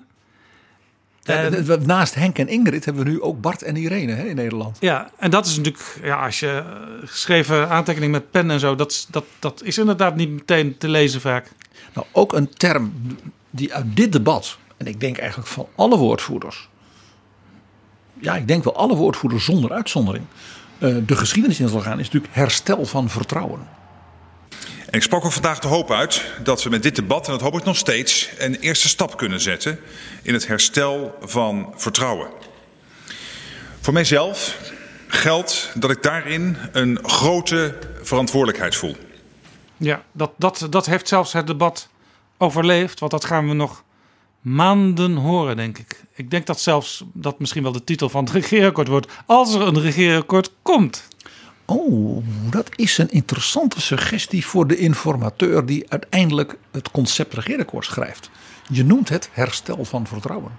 Het herstel van vertrouwen in de politiek is een grote opdracht aan ons allemaal. Die noteren we ja. Ja, want dan, heb, dan weet je ook zeker dat tot op de laatste dag van de kabinetsformatie en dus ook op de eerste dag van een nieuw kabinet gerefereerd zal worden aan alles wat bijvoorbeeld Pieter Omtzigt in zijn boek heeft opgeschreven over macht en tegenmacht. En over omzicht is er ook een term die de geschiedenis in zal gaan. eh, eh, in, bij de woorden van de Witte Donderdag gekomen. En omzicht werd eh, onze collega, het was al on- onze Pieter Omtzigt. En Wopke Hoekstra als dus de nieuwe aanvoerder van het CDA had natuurlijk een term nodig om natuurlijk, laat ik zeggen, die algemene, wat ik wat spottend noemde, heiligverklaring van Sint Omtzigt, om die natuurlijk toch wel een beetje voor het CDA nog te behouden. Dus Wopke Hoekstra kwam met de prachtige formulering, onze eigen Pieter Omtzigt. Voorzitter, ik begin met het citeren van de laatste zin uit het boek van onze eigen Pieter Omtzigt. De uitdagingen van Nederland zijn groot. Dat is niet iets om bang voor te zijn, maar een aansporing om als mooi land samen op te bouwen. Einde citaat. Ja, dat hoorde je overigens in de wandelgangen van de Tweede Kamer de dagen voor het debat ook al in de CDA-omgeving. Hadden ze het de hele tijd over onze Pieter Omtzigt. Dus onze, eigen, Pieter, Omtzigt. Hij, hij werd nog meer eigenaar. Wopke Hoekstra van Pieter Omtzigt. Ik bedoel, Ivor Kortje moet oppassen dat ze hem niet gewoon kwijtraakt aan Wopke. De partner van Omtzigt. Goed. Ehm, dan was er een momentje in een kleine opmerking van een relatief kleine en heel nieuwe fractie eh, in dat debat. Waarvan ik zeg tegen jou, Jaap, en onze lieve luisteraars. Dat was van een vilijniteit Uh, ja, ik zat echt helemaal te smullen. Dit was niveau Maxime Verhagen. Ik weet waar je op bedoelt, want wij zaten samen te kijken naar dat debat. En jij hoorde mij genieten. Ja, en wij, wij begrepen elkaar meteen. Want Laurens Dassen, de fractievoorzitter van de nieuwe partij Volt, drie zetels op 17 maart. Dus het was ook zijn maiden speech. Die verwees verkenner Olongren naar de politieke coalities in Zweden, die vaak uit minderheden bestaan en het toch rooien in het parlement. En hij zei: dat kan best werken. En het, het, het, het interessante is dat Olongren zelf geboren is in Zweden en daar ook nog heel vaak komt. Ze heeft ook een Nederlands en een Zweeds paspoort.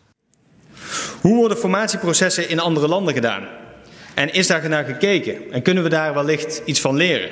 Denk bijvoorbeeld aan een land als Zweden, wat dat betreft in veelheid ook aan partijen heeft en de nood om coalities te vormen, net als in Nederland. Dus de heer Dassen, Laurens Dassen, wees verkenner Ollongren uit Zweden als echte Europees partij in de Kamer op de correcte wijze waarop in Zweden kabinetten worden geformeerd. Ik vond dit van een, van een, van een verfijnd soort valsheid. Uh, uh, ja, uh, Verhagen, Dries van Acht kon daar ook af en toe wel eens wat van. briljant.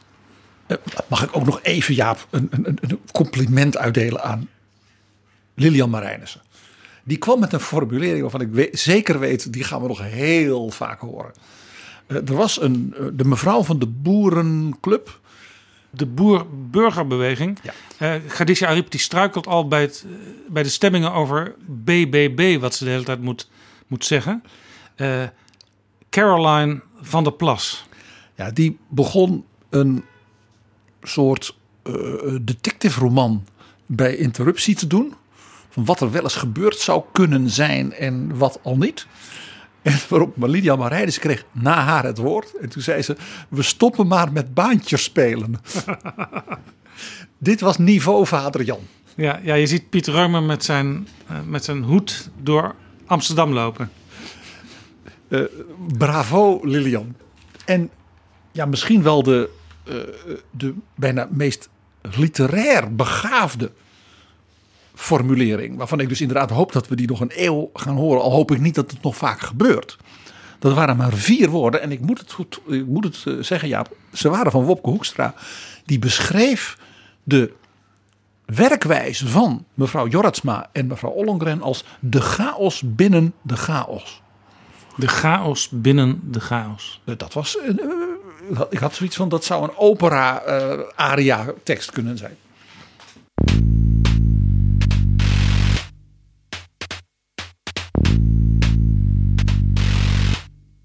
PG, kunnen we naar aanleiding van het debat en de politieke toestand zoals die nu ontstaan is, een aantal uh, piketpaaltjes slaan? Ja, want we hebben natuurlijk als beschouwers en historici en mensen die van het politieke spel en de politieke geschiedenis en de politieke realiteit uh, in zijn schoonheid en zijn onvolmaaktheid, laat ik maar zo zeggen, uh, weten te genieten, natuurlijk een cadeautje gehad. We hebben nu al die nieuwe fractieleiders in een ongekende situatie, als het ware voor het eerst velen daarvan zien optreden. Sommigen daarvan voor de zoveelste keer hun kunstje zien doen. En dat allemaal tegelijkertijd in een soort pressure cooker, een hoge drukpan. Dus ik zou, als jij dat goed vindt, gewoon met jou eens even gewoon naam voor naam langs willen lopen wat ons nou opviel van het optreden van die vrouw, die man. Dat je denkt, wij zien hier iets van de, zeg maar, de stijl, het IQ, het vernuft, de debatteer aanpak en dergelijke. En misschien ook wel de politieke lijn van deze politica of politicus. Ja, waarbij ik alvast wil aantekenen bij, bij alle kritiek die we ongetwijfeld ook zullen hebben.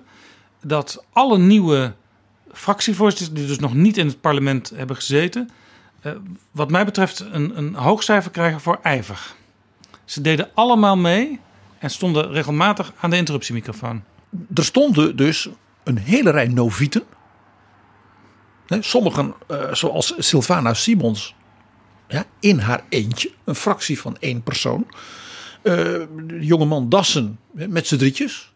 Uh, maar er stond ook met z'n drietjes de door en door ervaren staatsrechtelijk tot in de finesses ja, kenner van de Van de staai. Er stond het ongeveer langst zittende Kamerlid, meest ervaren figuur, de mentor van Mark Rutte, Geert Wilders. Mark Rutte zelf, die daar natuurlijk stond om zich te verdedigen als, als ware hij Ronald Reagan. Uh, dus nou, dat je dan als uh, noviet in de Kamer naar de interruptiemicrofoon loopt en denkt: ik ga gewoon een vraag stellen. Waarvan ik denk dat mijn kiezers en de burgers in Nederland dat zouden willen weten. Uh, dan doe je je werk. Chapeau. Nou, laten we beginnen met de persoon van de fractieleider van de VVD. Die daar eigenlijk in een hele serie rollen tegelijk optrad. Hij trad daarop als de fractieleider van de VVD. Hij trad daarop als gesprekspartner van de verkenners en dus onderhandelaar van die VVD. En hij was er toch ook, zie die motie van wantrouwen van de heer Wilders als de minister-president. Ja, ja, dat is merkwaardig van die motie, want Khadija Ariep als Kamervoorzitter moest af en toe leden tot de orde roepen als zij het hadden over een minister of de minister-president. Want dat was in de meeste gevallen juist niet aan de orde. Nee, want die zat er als verkenner of als fractievoorzitter ja. van de VVD. Dus als individueel Kamerlid zelfs. Nou, uh, een van de redenen waarom dit, dit natuurlijk uh, uh, ja, meeslepend was om naar te kijken, was dat wij voor het eerst hebben gezien hoe Mark Rutte de greep verliest op het politieke landschap. Meneer Zegers, u en ik werken nu vier jaar samen. Intensief in een coalitie. Ik heb u volgens mij nooit belazerd. Ik ben überhaupt niet iemand die hier collega's belazert. Ik heb hier een fout gemaakt. Mijn geheugen klopte niet over die naam genoemd was. Wat heb ik nou voor motief om, als ik hem daar wel genoemd heb in de context van iets waar zelfs de lijsttrekker van het CDA het over had in de campagne, om niet te zeggen: ik heb het niet gehad over functie elders, maar inderdaad, ik heb ontzicht genoemd in de context van de ministerschap, conform Hoekstra ook in de campagne. Wat heb ik nou voor motief om dat niet te melden? Het punt was alleen, dat herinnerde ik me niet. En ook de twee verkenners herinnerden zich dat niet. Dat is de ellende waar we in zitten. Waardoor nu de sfeer ontstaat dat wij daar stiekem dingetjes aan het ritselen waren om hem weg te krijgen. Dat is gewoon niet zo. En dat is ook uiteindelijk een kwestie van vertrouwen, meneer Zegers.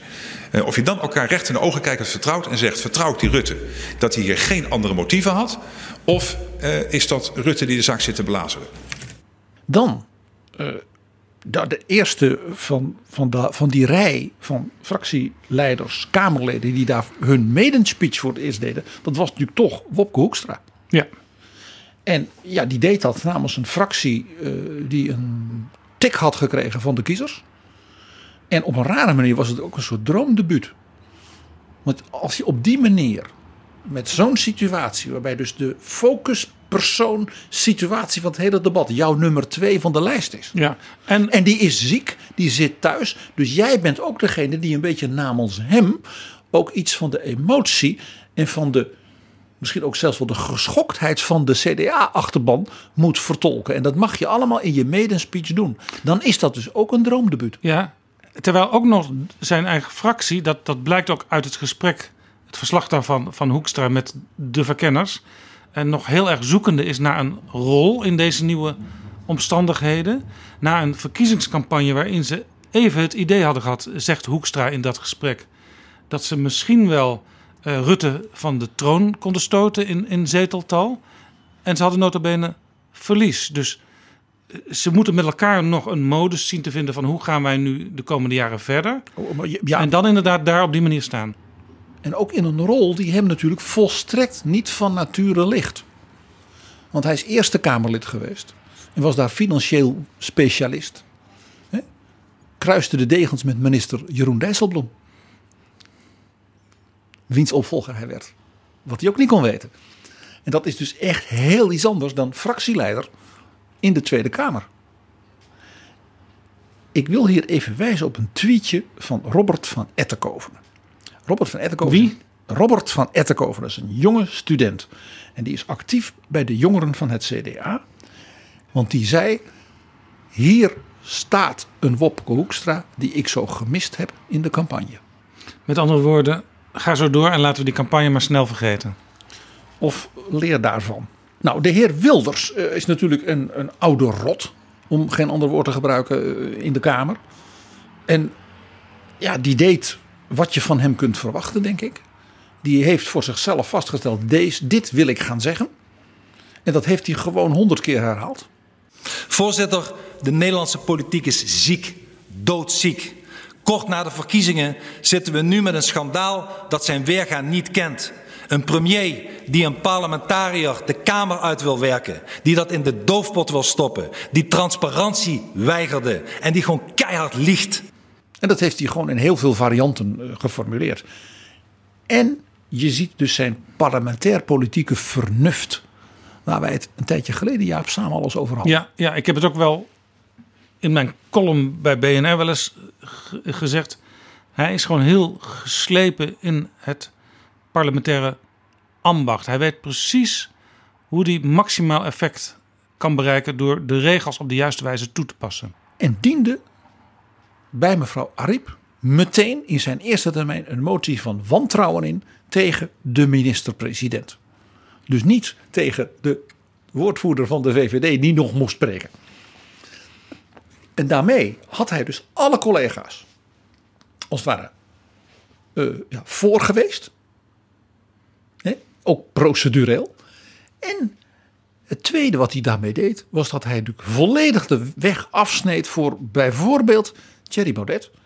Die dan ook met allerlei merkwaardige soms uh, ordevoorstellen kwam. En Wilders bijna achteroverleunend in zijn bankje net deed of hij er niet bij was. Ja, Baudet overigens, die misschien zijns ondanks uh, toch erin slaagde om Rutte te verleiden meer te vertellen dan gewenst was. Wat tot, tot het extra gedoe leidde, namelijk dat half acht telefoontje, waarin Rutte dus werd verteld, staat wel degelijk iets over omzicht uit jouw mond in de verslagen van de verkenners. Ja, dat zei Rutte bijna achterloos op een vraag van Thierry Baudet. En wat het meest interessant was, dat de hele Kamer dat begreep. Behalve blijkbaar Thierry Baudet, want die deed er niks mee. Ik vond dat een zeer opmerkelijk moment. En het was duidelijk, Wilders had voor zichzelf besloten. Dit ga ik zeggen. En ik ga het zo doen dat ik op geen enkele manier, uh, als het ware, achter Baudet aan zal moeten lopen. Hoe heeft Sigrid Kaag het gedaan, de fractievoorzitter van de tweede partij, de nieuwe fractievoorzitter? Ik moest denken aan Konrad Adenauer. Konrad Adenauer die had een minister in zijn kabinet en dat was een klasbak. Die was in dat vak gewoon de nummer één. Hij werd, dat was de minister van Economische Zaken, der vader des Wirtschaftswunders. Ludwig Erhard. Daar hebben we het alles over gehad in Betrouwbare Bronnen. Dus net als mevrouw Kaag, iemand die in dat vak, hè, zij, de internationale diplomatie, gewoon tot de top behoorde. En er werd voortdurend gezegd tegen Adenauer, als jij nou weggaat, je weet, hij was al 73 toen hij aantrad. En hij was helemaal niet van plan ooit weg te gaan, dat weten we. Eh, dan kan Ludwig Erhard het overnemen. En toen heeft Konrad Adenauer de onsterfelijke woorden gesproken. De professor Erhard, der kan's nicht. Hij kan het niet. Nee. En ik zeg het maar heel onaardig. Maar mevrouw Kaag is een voortreffelijke mevrouw, dame in haar vak. Ik denk ook dat ze een hele goede minister is op dat terrein. Maar het is een beetje Ludwig Erhard. Die kans niet. Ik denk dat ik dat niet met je eens ben. Ik denk dat we misschien daar maar een fles op moeten zetten, PG. En gewoon aan het eind van deze parlementaire vierjaarperiode, of hoe lang het duurt, misschien duurt het korter, daar nog eens op terug moeten komen. Want ik vond Kaag als nieuwkomer, die voor het eerst een zware rol heeft van namens de tweede partij van het land spreken, eh, standvastig en consistent en consequent in haar handelen. Van haar waren ook die woorden, ja, die toch heel zwaar zijn. Hier scheiden zich onze wegen.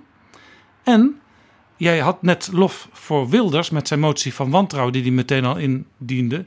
Kaag erin om een motie in te dienen samen met Wopke Hoekstra. Die Wilders voorbij ging in zwaarte, in importantie in de relatie tussen de huidige regeringspartijen, drie die voorstemden, VVD die uiteraard tegenstemde, want het was een motie van afkeuring over Mark Rutte, eh, om die in stemming te brengen en met dat resultaat. Ik zeg ook geen kwaad woord over die motie. Maar ik heb het over de, haar zeg maar, inbreng in dat debat. En die vond hij kleurloos. Ik zag, dat bedoel je misschien een beetje, uh, daar kunnen we elkaar tegemoet komen. Ik zag wel de diplomaat in haar, maar dat kan juist in zo'n totale chaos een weldaad zijn. Dat zullen we dus zien. En ja, je, ik neem aan dat jij mij vergeeft dat ik bij, in zo'n situatie dan toch aan een man als Adenauer denk. Al is het maar vanwege zijn politieke vernuft. Wie was de Adenauer in dit debat? Uh, die hebben we in Nederland helemaal niet. Wil je nog andere mensen nou, uh, weet, je belichten? Wie, weet je wie, uh, waarvan ik dacht van, ja, je kan het dus wel. Dat waren zowel Jesse Klaver als Lilian Marijnissen. Die toch alle twee een dreun van de kiezer hadden gehad. Maar die stonden daar, ik vond fris en fruitig en af en toe met zeer goede vragen.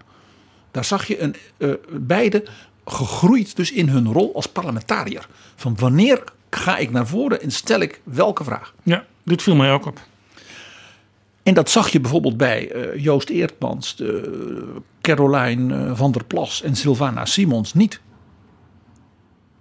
Nee, ze waren aanwezig, maar het was niet heel erg to the point meestal. Nee. En Laurens Dassen, de, de, de, echte verrassing misschien wel voor veel mensen van deze verkiezingen met drie zetels in de Kamer van Volt. Hoe deed hij het? Nou ja, ik gaf daarnet uh, hem uh, toch in ieder geval het compliment dat hij een opmerking maakte van een gemeenheidsindex Maxime Verhagen. Uh, waarvan ik zeg, die, ga, die gaan we nog heel lang terug zien komen. Maar verder vond ik het allemaal wat braaf. Het is een beetje een ambtenaar. Hij, hij benadrukt ook een aantal keren, ik geloof wel drie keer, en, en net twee te veel eigenlijk, dat hij daar als, als jong Kamerlid uh, bepaalde gedachten over had. Ja, waarschijnlijk is een deel van zijn kiezers is ook jong en uh, met stemt natuurlijk sowieso voor het eerst op die partij. Dus in die zin sta je ook daar dan voor je achterban. Uh, maar je kunt ook als jong Kamerlid een beetje vroeg oud lijken. Ja, en ook een, ook een nieuwe partij die kan in de achterban mensen hebben die jou helpen om net die ene cruciale vraag te formuleren die het debat kan bepalen. Ja. Uh, mevrouw Ouwehand uh, van de Partij voor de Dieren, uh, ja, die heeft één probleem. Als zij een interruptie gaat plegen, dan begint zij te praten. En dat gaat alle kanten op. En de Kamervoorzitter, mevrouw Ariep, is daarin heel bedreven. Die laat haar praten en praten en praten. En doet niet wat ze bij anderen wel doet: van wat was uw vraag? Het effect is dat mevrouw Ouwehand. Uh, ja, op een bepaald moment is ze, zeg maar, ja, dan moet ze ademhalen. En dan krijgt ze een antwoord op een opmerking van bijvoorbeeld een toch ervaren iemand als Mark Rutte. En ja, dan is ze weg. Letterlijk en figuurlijk. Ja, Baudet hadden we het al over. Of wil je er toch nog iets over zeggen? Uh, nou ja, ik, ik had eigenlijk maar één gedachte. Naast een aantal die ik maar niet uitspreek. Uh, en dat is, hij mist één iemand. In een debat als dit. Theo. Hiddema. Een vlijmscherpe jurist, advocaat, ondervrager. Die precies dat ene puntje als er aansnijdt. Want als jij degene bent die dus de premier bijna laat uitflappen, half acht. En je bent verder in het debat niet aanwezig. Ja, dan, uh, dan wordt het nooit meer wat. Conclusie. Om te spreken met Gijs van der Wiel, de legendarische hoofddirecteur van de Rijksvoorlichtingsdienst in de tijd van Joop den Uil en Ruud Lubbers. En Juliana. Die zei, die kwam in tijden van kabinetsformatie s'avonds vaak naar Nieuwsport om nog even op achtergrondbasis te praten met journalisten. En dan begon hij altijd met de vraag: waar staan wij nu in het ondermaanse? Jaap, zullen we een keer, dat beloven we onze luisteraars, een editie van Betrouwbare Bronnen doen over directeuren van de RVD? Oeh, dat is gevaarlijk. Nee, dat is Want die bellen, die bellen mij wel eens om bepaalde correcties aan te brengen. Dan heb ik weer iets gezegd waar jij dan verantwoordelijk voor wordt gemaakt. Nou. Arme Jaap. nee, maar je hebt, je hebt uh, zeker, die, die mensen van de RVD wil niet uh, tot spindokter benoemen. Maar je hebt soms dat, dat spindokters nog even willen dat je, wat je verder ook zegt of, of schrijft, dat je toch hun invalshoek wel even helder hebt. Om de balans in je verhaal goed te hebben. Daar komt het eigenlijk op neer. Ter zake, PG, in de laatste minuten van deze aflevering, waar staan wij in het ondermaanse? Zullen we even laten zien, horen, hoe je in een situatie als we nu in Nederland hebben meegemaakt, het ook kunt doen als politiek leider. We hebben ongeveer in dezelfde dagen in Duitsland iets heel bijzonders meegemaakt. Er was een overleg van mevrouw Merkel. De bondskanselier? Met, met haar ministers en de minister-presidenten van de landen over de corona-ontwikkelingen. Ja, zij had. Dat is een week. Ja, het zit iets, iets in de tijd voor de afgelopen week. Het speelde het weekend daarvoor eigenlijk. Zij had veel kritiek hè, uit het hele land, ook in de media. Eh, vonden ze dat Merkel het niet goed, eh, de, de coronacrisis minder goed aan het behandelen was dan men van haar gewend was. Zij had een conclusie getrokken uit dat overleg met al die premiers. Hè, Söder, mensen die we onlangs behandelden. En die conclusie die was niet scherp genoeg geweest. En wekte een andere indruk dan die premiers wellicht hadden bedoeld. Ja, en het idee van de Duitsers was: we moeten met Pasen weer in lockdown en we kunnen dus niet met de familie belangrijke dingen doen. En Oosten is wichtig. En mevrouw Merkel heeft toen ja, bijna Abraham Kuyper, het boetekleed ontsiert de man niet. En de wijze waarop Merkel toen heeft gezegd, dat heb ik niet goed gedaan. Dit was de juiste conclusie geweest. Terecht dat dus he, die minister-presidenten mij op dit punt corrigeren. En ik eh, bied mijn excuses aan. Ik was even niet scherp genoeg. Laten we even luisteren. Dit stellen we dus ten voorbeeld aan Mark Rutte hoe hij het ook had kunnen doen.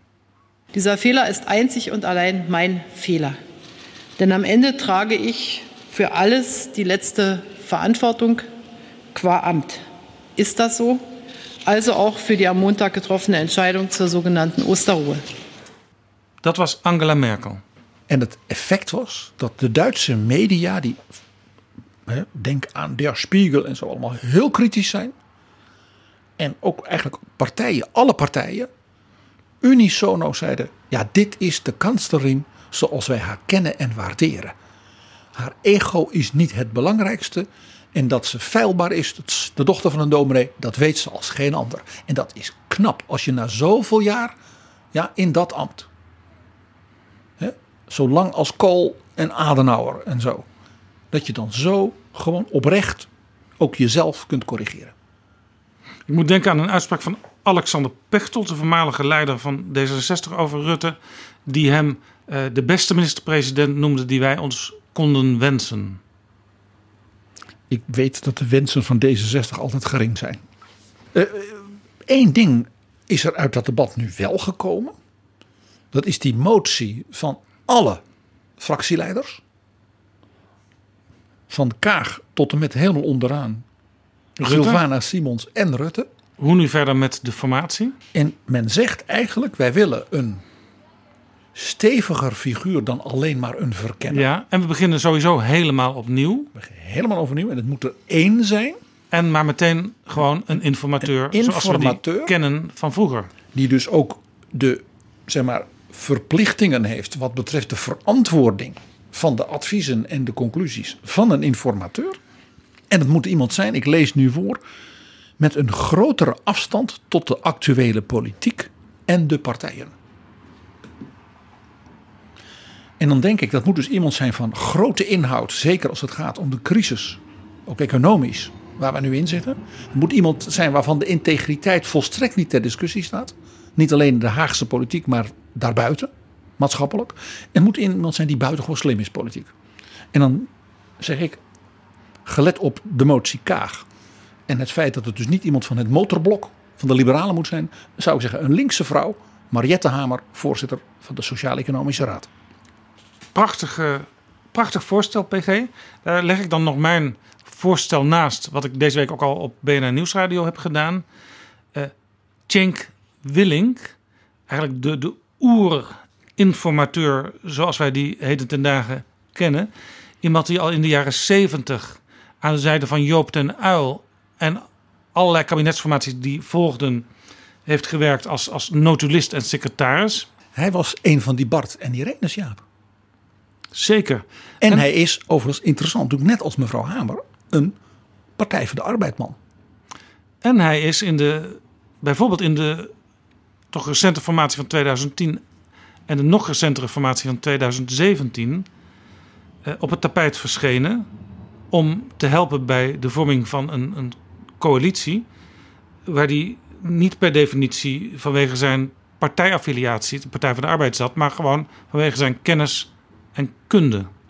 Uh, aan hem is te danken de brief van Sibrand Buma over waarom het CDA nooit meer, ooit, met bijvoorbeeld de PVV allianties zou sluiten. Ja, en ook pikant misschien, zijn naam wordt al genoemd in de eh, nu deze week geopenbaarde verslagen eh, van de verkennersgesprekken. De potpourri. Daar staat een reactie van Mark Rutte op het voorstel Cenk Willink slash Kaag om vanuit de inhoud te gaan redeneren naar een combinatie die een kabinet zou kunnen vormen. En daarvan zegt Mark Rutte, hoeft van mij niet per se op die manier. Het kan weer alle kanten op. Van Rutte wordt vaak gezegd, die kan eigenlijk niet zonder het Binnenhof, die kan niet zonder Den Haag, die kan niet zonder de politiek. Hij stond deze week op het randje van eraf vallen. Hij is dus gebutst, hij is beschadigd. Mark Rutte zelf heeft meermaals gezegd: Als het is afgelopen, dan weet ik, dan staat mijn tas klaar en dan vertrek ik meteen en dan zul je nooit meer iets van mij horen. Zijn vriend Jort Kelder heeft daarover gezegd in 2018, op 18 oktober. Ik weet niet of dat waar is. Het politieke bedrijf is verslavender dan crack. Het vergt ernstig afkicken om zonder die zweem van belangrijkheid, onmisbaarheid, blauwe BMW's met chauffeur en zoomende camera's te kunnen. Een toppoliticus die zegt dat hij makkelijk zonder kan, is als een variété-artiest die zegt het applaus niet te missen. Ik help het hem hopen. Zweem van belangrijkheid. Hoe? Jaap, ter afronding. In het debat zei mevrouw Kaag over de toestand die was uh, ontstaan. Dat de Kamer, en zij zelf dus, over de Via Dolorosa liepen. En dat is nu in deze dagen van Witte Donderdag, Goede Vrijdag, Stille Zaterdag en Paaszondag een zeer beladen begrip. Leg even uit voor de leek, wat is de Via Dolorosa? De Via Dolorosa is de, zijn de straten, de route door het oude Jeruzalem, waar Jezus met zijn kruis van de rechtbank waar hij veroordeeld was door de Romeinse gouverneur Pilatus, moest, moest lopen, zijn eigen kruis moest tillen naar de heuvel Golgotha, wat in het Hebreeuws betekent schedelplaats. Mag ik je even onderbreken, PG? Ik heb op die Via Dolorosa gelopen. Dat doe je als je in Oud-Jeruzalem komt. Samen met mijn toenmalige ANP-collega Bouke Bergsma, die daarna woordvoerder werd van de minister van Financiën en tegenwoordig woordvoerder is van Nederlandse bankpresident Klaas Knot. Belangrijker is dat hoofdrolspeler in dit debat Sigrid Kaag een appartement heeft met haar gezin niet ver van die Via Dolorosa. Zij liep dus in haar gevoel thuis. Ja, precies. Ik vind dit een hele bijzondere observatie van jou, Jaap. Uh, ik dacht dat we misschien voor alle politici iets moeten doen wat past bij deze dagen. Eh, dit is natuurlijk de dagen waarin Nederland natuurlijk een van zijn, je zou bijna zeggen, erfgoeddingen van de cultuur heeft. En dat is de Matthäus-uitvoeringen. En door corona is dat natuurlijk allemaal nu virtueel en dergelijke. Maar wij, liefhebbers van het werk van Bach, zeggen stiekem tegen elkaar allemaal: de Matthäus, magnifiek. Tegenwoordig ook wel bekend als The Passion. Dat is een variant. Maar de Johannespassion van Bach. Dus hetzelfde idee. Maar dan de tekst van het evangelie van Johannes over uh, de gevangenneming, veroordeling en dood van Jezus is eigenlijk mooier. Hij is iets korter. De Johannespassion. Omdat het evangelie van Johannes korter is. En het is daardoor een geserreerder muziekstuk. En de koren en de aria's, hè, waarin dus de solisten als het ware zich ja, mediteren op wat gebeurt hier. Hè, dus vanuit het geloof van de Johannespassion. Zijn minder bekend hè, dan uh, heel veel uh, inderdaad schitterende stukken van de Matthäus. Maar voor de liefhebber misschien wel nog mooier. En in die Johannespassion zit er één aria. Dat is punt 20 van de, zoals dat heet, nummer, hè, nummers in de Johannespassion. Het is een aria voor de tenor. En dat is, zo vertelde uh, Frans de Ruiter, de directeur van het Koninklijk Conservatorium en een groot barok muzikus, en dirigent van heel veel werken van Bach mee, de allermoeilijkste stuk muziek voor een solist dat Bach heeft geschreven. Hij zegt dat kan niet anders dat hij een jongen had in zijn koor, dus een tenor, die zo ongelooflijk muzikaal was en zo'n beheersing van zijn stem had, dat hij op deze jongen de aria Erwege heeft geschreven. En Erwege betekent overweeg. Overweeg, mediteer. En de Ruiter die zei altijd, als ik de Johannes dirigeer, het is ongeveer op de helft. Hij zegt, hij zegt eigenlijk ga je als dirigent met je koor, je solisten en orkest helemaal naar het moment toe dat die aria begint. En dan ben je volledig afhankelijk van hoe die tenor op dat moment is. Want het is zo moeilijk. En het is bovendien zo mooi. Ja, dat als het lukt, en Frans de Ruiter zei wel eens tegen mij: het lukt misschien één op de tien keer. Hij zegt, maar dat vergeet je je leven niet meer.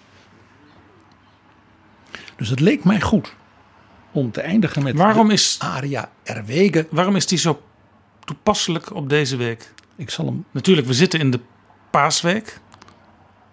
Omdat Bach in de muziek en in de taal eigenlijk de luisteraar van de Johannespassion toespreekt en hem bijna een soort advies geeft. Een advies van groot leed. Dat is echt halverwege dus. Hè, het is, er wordt gezongen, deze aria, nadat de soldaten van Pilatus Jezus op zijn rug hebben gegezeld. Dus het bloed stroomt over zijn lijf. Dus het begin van de dood is daar. En dan zingt die tenor. Mediteer maar eens als mens op wat hier gebeurt. En eindigt met een ongelooflijk signaal van hoop. En dat in een heel korte tekst. En ik ben zo vrij, Jaap, om hem in het Duits voor te lezen. En dan kort de vertaling. En dan luisteren wij naar deze aria. Ik geef je verlof, PG. Dankjewel. Erwege wie zijn bloedgefärbte Rücken in allen Stücken dem Himmel gleiche geht. Daran, nachdem die Wasserwogen von unserer Sündflut sind verzogen, der allerschönsten Regenbogen als Gottes Gnadenzeichen steht. Mediteer op deze door bloed geverfde rode rug. Helemaal lijkt op de hemel. De hemel waar nadat de zondvloed ja, met zijn wateren weg zijn gegaan. De regenboog verschijnt. Als het teken van de genade van God. Dus die bloedende rug is een signaal van het heil dat komt. Een heel gedurfd gedicht dus ook. Zo kort, zo geconcentreerd. En dan ben jij een tenor en dan moet je dat gaan zingen op een melodie zo ingewikkeld. En zo knap van Bach. Om, om in termen des geloofs te spreken. Eh, na die chaos van deze week, met zelfs chaos binnen de chaos, is er toch nog hoop. Als je daarop mediteert. En laten we dat als opdracht meegeven aan onze luisteraars, maar vooral aan iedereen die op het binnenhof actief is en probeert iets neer te zetten voor de komende jaren. Loop dus maar over die Via Dolorosa, maar dan wel met dit als meditatie. Dankjewel, PG, en we luisteren naar de Johannespassion.